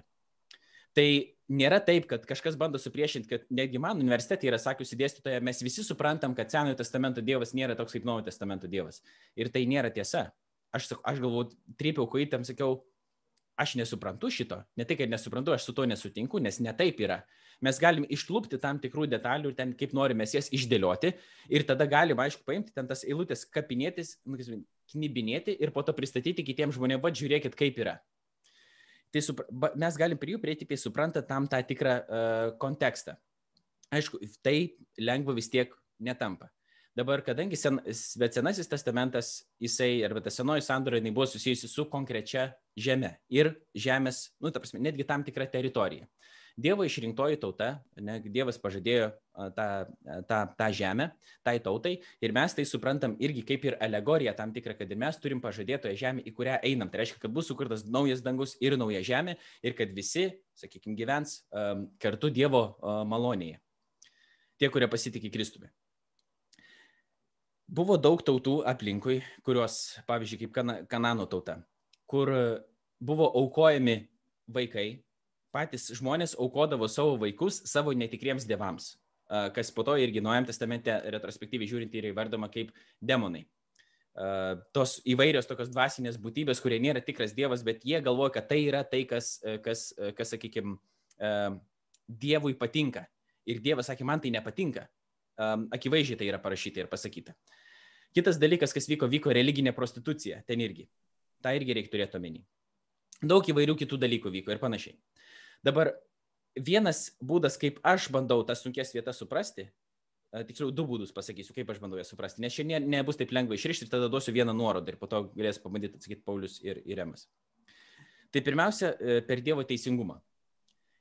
Daug žmonių reikalauja, kad Dievas padarytų kažką, kai yra blogai, kai kažkas elgesi blogai. Pavyzdžiui, Hitleris elgesi blogai, nežudynės, holokaustas, visa kita. Dar kiti žmonės elgesi blogai ir žmonės reikalauja teisingumo. Bet kai Dievas padaro teisingumą, kažkam įvykdo teisingumą, kažkieno atveju, tada žmonės to pačiu skundžiasi, kodėl jisai nepasigailėjo, kodėl jisai nėra uh, toks gailestingas. Tai Dievo teisingumas neišvengiamai reiškia, kad blogis turės būti nubaustas kažkokiu būdu, kažkada. Bet kas yra įdomiausia, Senajame testamente mes neskaitom niekur. Parodykit man vietą, jeigu, jeigu taip, ta prasme, yra, tada be abejo aš esu linkęs, kaip sakyti, sutiks, sutiksiu pakoreguoti tą savo požiūrį, kad būtų parašyta iškart Senajame testamente, kad, sakykime, tie, kurie uh, vienokiu ar kitokiu būdu žuvo ar buvo nužudyti, kad ta bausmė buvo reiškia automatiškai amžiną atskirti nuo Dievo kas yra rašoma visą laiką, kad mirtis Senajame testamente ir buvo, ta fizinė mirtis buvo kaip didžiausia bausmė. Naujam testamente mes jau skaitom kitaip, kad tas didžiausias, sakykime, ta tokia, nu, ne bausmė, bet didžiausias, didžiausia pasiekmė mūsų pasirinkimų vienokio ir kitokio yra amžina atskirtis uh, nuo Dievo ir ką mes jau kalbėjom, uh, kalbėjom prieš tai. Mes dabar kaip krikščionys turėdami, čia antrą dalį atsakinėjau dabar, kaip tai susijęs su Naujojo testamento Kristaus pasiaukojimu. Žiūrėdami, mes atrakinam Senąjį testamentą ir Senąją sandorą, žiūrėdami į Kristaus asmenį ir konkrečiai, kas įvyko ant kryžiaus kur Dievo, jau Emas šiek tiek tai užsiminė, sakydamas, kur Dievo meilė ryškiausiai pasirodė. Ne tik Dievo meilė, bet Dievo meilė ir Dievo teisingumas. Kad tas, kuris buvo teisus, tas mirė už mus nusidėlių toj vietoj, kurie mes nebuvome teisūs. Ir Dievas pasiaukojo už mus ir mes per tai žiūrim į tai, kas vyksta Senajame testamente. Mes per tai bandom suprasti, nes Kristuje, kaip yra parašyta, apsigyveno Dievo pilnatvė. Tai kad ir kokie yra sunkus, sakykime, tie įvairiai seni semitiniai tekstai, mes juos turim žiūrėti turėdami um, tam tikrą kontekstą omenyje ir žiūrėti per kristologinę prismę. Tik tai tada mes galėsim kažkaip va, taip žvelgti ir suprasti, uh, kas ten vyksta. Ir paskutinis tas dalykas, turint omeny Dievo teisingumą. Nes, kaip man atrodo, Chestertonas sako, uh, kad žmonės kaltina krikščionybę dėl visiškai priešingų dalykų. Vieni kaltina dėl to, kad jinai totalitarinė, kita kaltina, kad jinai tiesiog nepripažįsta jokios atsakomybės žmonėms ir yra absoliučiai belekavos neleidžianti. Vieni sako, kad jinai yra per griežta, kiti sako, kad jinai yra tik tais uh, silpniems ir tokia per daug per daug laisva. Ir nu, tai čia taip pat gali būti, kad jeigu Dievas nebaudžia, jį kaltina už tai, kad jisai nėra teisingas. Jeigu Dievas baudžia, tai tada jį kaltina, kad jisai yra negailestingas iš principo. Ir šitą turėdami Dievo teisingumo aspekto omenyje, mes galim šiek tiek irgi tada pabandyti prieiti, prieiti prie, šitų, prie šitų pasakojimų, kuriuos reikia iš tikrųjų atrakinti. Aš e, labai trumpai ir Paulius galės uh, pa, užbaigti. Uh, aš jas kažkur tai mačiau tokį užrašą, kad um, esu daug nusivylęs Dievu, esu žiauriai daug nusivylęs bažnyčia, esu be galo daug nusivylęs krikščionėmis, vienintelis, kas manęs niekada nenuvylė, tai buvo Jėzus. Ir tas, galvoju, tas pasakymas toksai kažkoks tai nu, netikras. Ir dabar va, ta, tas klausimas apie Senąjį testamentą, kaip apie tokį va, baudėją, blogą, blogą tą Dievą. Ir paskui va, Naujam testamente toks fainas tas Jėzulis, jisai ateina ir jisai toksai nu, geras, fainas. Duona valgo ir žuvis su mokiniais ir nieko neužmuša. Kaip gerai. Bet aš perskaitysiu trumputę ištrauką Kristaus žodžių, cituojant jį patį. Cituojant būtent šitą vat, gerą į Jėzulį, kuris niekada mūsų nenuvylė, o kai visi kiti nuvilė. Vienas iš jo aplinko žmonių, artimos aplinkos, vardu Pilypas, jam kažkada sako, viešpatė parodyk mums tėvą ir mums bus gana. Ta prasme, mes norėtumėm vat, susipažinti su tavo tėvu. O Jėzus sakė, jau kiek laiko tu esi, aš esu su jumis ir tu, Pilypai, vis dar manęs nepažįsti. Kas yra matęs mane, yra matęs tėvą. Tad kaip tu gali sakyti, parodyk mums tėvą? Nejaugi tu netiki, kad aš esu tėvė ir tėvas yra manyje. Žodžius, kuriuos jums kalbu, ne iš savęs kalbu. Manyje esantis tėvas daro savosius darbus. Tai aš noriu, kad klausintieji klausimų apie Senąjį testamentą ir apie vadinamą Dievo žiaurumą, pirmas dalykas suvoktų, kad Jėzus ten irgi buvo. Ir kad tai nėra kažkoksai tai dviejų dievų elementas. Bet tas senasis ten kažkur tai liko senovėje, o čia vat yra dabar gerasis. Jėzus ten buvo. Ir vat tai kaip tik labai papildo tą Laurino atsakymą ir vėliau tik žiūrint į Jėzaus tą auką ant kryžiaus, mes galime aiškiau suprasti, kas vyko tenai, kai jisai irgi tenai buvo. Tiek. Ir plus prie Pauliaus perina, čia aš prisiminiau vieną tokią mm, eilutę irgi iš Senojo testamento, kai Dievas sako, kodėl jūs žūstate, kodėl jūs norite žūti ir kodėl jūs neteinat pas mane, tiek kartų norėjau surinkti jūs po savo sparnu, kaip višta savo viščiukus. Čia, nėra, čia Senajame testamente tas yra parašyta. Dievas nenori šito dalyko. Nenori, kad tai vyktų. Aišku, Naujame testamente um, iš principo irgi yra, kaip Emas irgi pasakė, ne, kad tas, nu, Jezulis yra toksai kaip, nu, minkštutis, toksai, nu, pavaizduotas kažkoks, bet jo teisingumas ryškiausiai pasirodė ant kryžiaus, bet yra labai tokių irgi teiginių, ne, kur, pavyzdžiui, fariziems jis sako, jūs ten papaltinti kapai um, ir tokie ir panašus, ta prasme, nu, kad Dievo teisingumas jis niekur nėra dingęs, bet jo mes pilnatvę matom pasireiškusią kur teisingumas ir meilė, kaip apaštalas Paulius rašo, aš uh, geriuosi tik tai kryžiumi. Ta prasme, aš jį um, nu, sakykim, čia apsireiškia ir ta Dievo šlovė. Nu tai va, tai mes per to tą dalyką bandom suprasti, bet tu dabar, Pauliau, dar um, pasakyk uh, tai, kad tu uh, dar norėjai pridėti ir mes jau tada užbaigsim su paskutiniu klausimu labai tokiu praktiniu. E, labai trumpai, Sename testamente ir Biblijai noriu priminti, kad, matot, Biblija yra daug daugiau negu tik kažkoks istorijos vadovėlis, faktų rinkinys, ten yra daugybė alegorinės kalbos ir kada Senam testamente Dievas kalba, sako, sunaikinsi tuos miestus ir nieko, viską sunaikinsi, visus vaikus, senukus, gyvulius ir nieko nebandyk e, palikti gyvo. Kalbama apie nuodėmę, įsivaizduoju, tai, kas yra žmogus, reiškia, kada jisai, jisai kažką tai įsigyja, ne, tai yra, reiškia, sako, nepalik, reiškia, net kūdikio, savo viduj, reiškia, netgi sako, ten, ten tokie baisus tekstai yra. Tai jeigu tu, jeigu tu to dalyko nežinai, kokia, kokia kalba yra Biblija parašyta, irgi alegorinė, tau iš, iškils baisus Dievas. Dievas kalba ne tai, kad žudyk vyrą, moterį, vaikus, jis kalba apie tuos, apie tą nuodėmę, kaip reiškia simbolį. Irgi taip pat. Čia yra viena iš tų būdų, kad suprasti Senąjį testamentą. Ir dar jeigu kažkam iš tikrųjų aktualus yra tas klausimas, nu, kaip ne iš tikrųjų daugam jis yra aktualus, dar yra toks um, autoris Paul Kaupen, uh, P-A-U-L, Paulius Copan, iš latviškų šaknų jisai turi, bet šiaip amerikietis um, filosofas jis yra parašęs knygą Is God a Moral Monster. Tai jeigu kas skaito angliškai ir yra įdomu, galima panagrinėti šitą. Paskutinis klausimas. Kaip suprasti, kokia Dievo valia priimant sprendimus gyvenime? Pauliau pirmą, po to emas ir žiūrėsim, aš gal ir nebeturėsiu nieko pridėti. Pasikartosiu tokį labai konkretų liūdimą, kaip man prieš išvykstant, kai aš buvau atsivertęs, jau palikau sovietų kariuomenę ir mano tas mokytojas Ginadį Georgičius sako, tu grįžti dabar ir, kaip sakant, į savo, žinai, tėvynę, sako, tu nori priminti tokius tris dalykus, per ką tau kalbės Dievas. Tai pirmas dalykas. Kai tu nori sužinoti Dievo valią, susirask Dievo žmogų. Antras. E, ženklas žiūrėk ženklus ir tada aplinkybės. Va, kai šitie trys dalykai susiveda į vieną, bingo, sako, tada šauk. Tada tikrai pataikysi. Manau, Dievo valia niekada nebūna, aš nemanau, kad vis būna kažkokia tai išskirtinai koduota.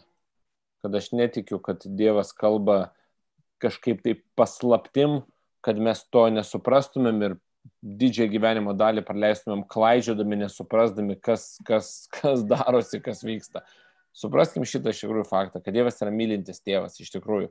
Ir Kristus per daug pavyzdžių tai aiškiai parodė, kai kalbėjo, vienas iš tobuliausių pavyzdžių tai yra sunaus palaidūno e, šitas pavyzdys, kad Dievas yra mylintis tėvas. Tai jeigu myl, mes jį pažįstam kaip mylinti tėvą iš tikrųjų, tai jo valia visų pirma mum irgi turi būti na, meilės išraiška. Tai Kristus pasakė, kad mylėkite dievę, savo Dievą visą širdimi, visą sielą, visomis jėgomis, mylėkite savo artimą kaip patį save. Tai aš manau, tai pradėkime nuo to, iš tikrųjų savo gyvenime Dievo valios ieškojime. Ar mes pažįstam Dievą, ar mes jį mylim. Ir ar mes mylim savo artimą. O paskui galima bus kalbėti tokius dalykus, ar man keliauti tolimą Afrikos šalį, skelbti Evangelijos, ar man reikės lipti į Everestą tam, kad užnešti lietuviškai naujojo testamento vertimą ar ne.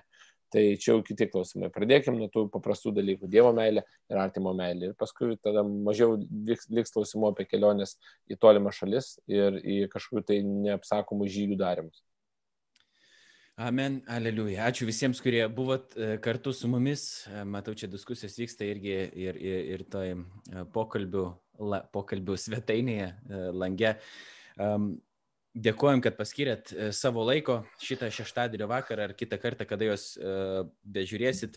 Atleiskit, jeigu kažkur kažką pasakėm ne taip, bet viešpats yra virš visko Ir tiesiog džiaugiamės, kad iš vis galim dalyvauti e, kažkame tokiam panašiame dalyke ir bandyti e, daugiau pažinti mūsų viešpatį e, visi kartu. Tegu viešpas laimina kiekvieno iš jūsų vakarą ir Emo, ir Pauliaus lygiai taip pat. Taip. Ir iki kitų sustikimų visiems sudėv, laikykitės.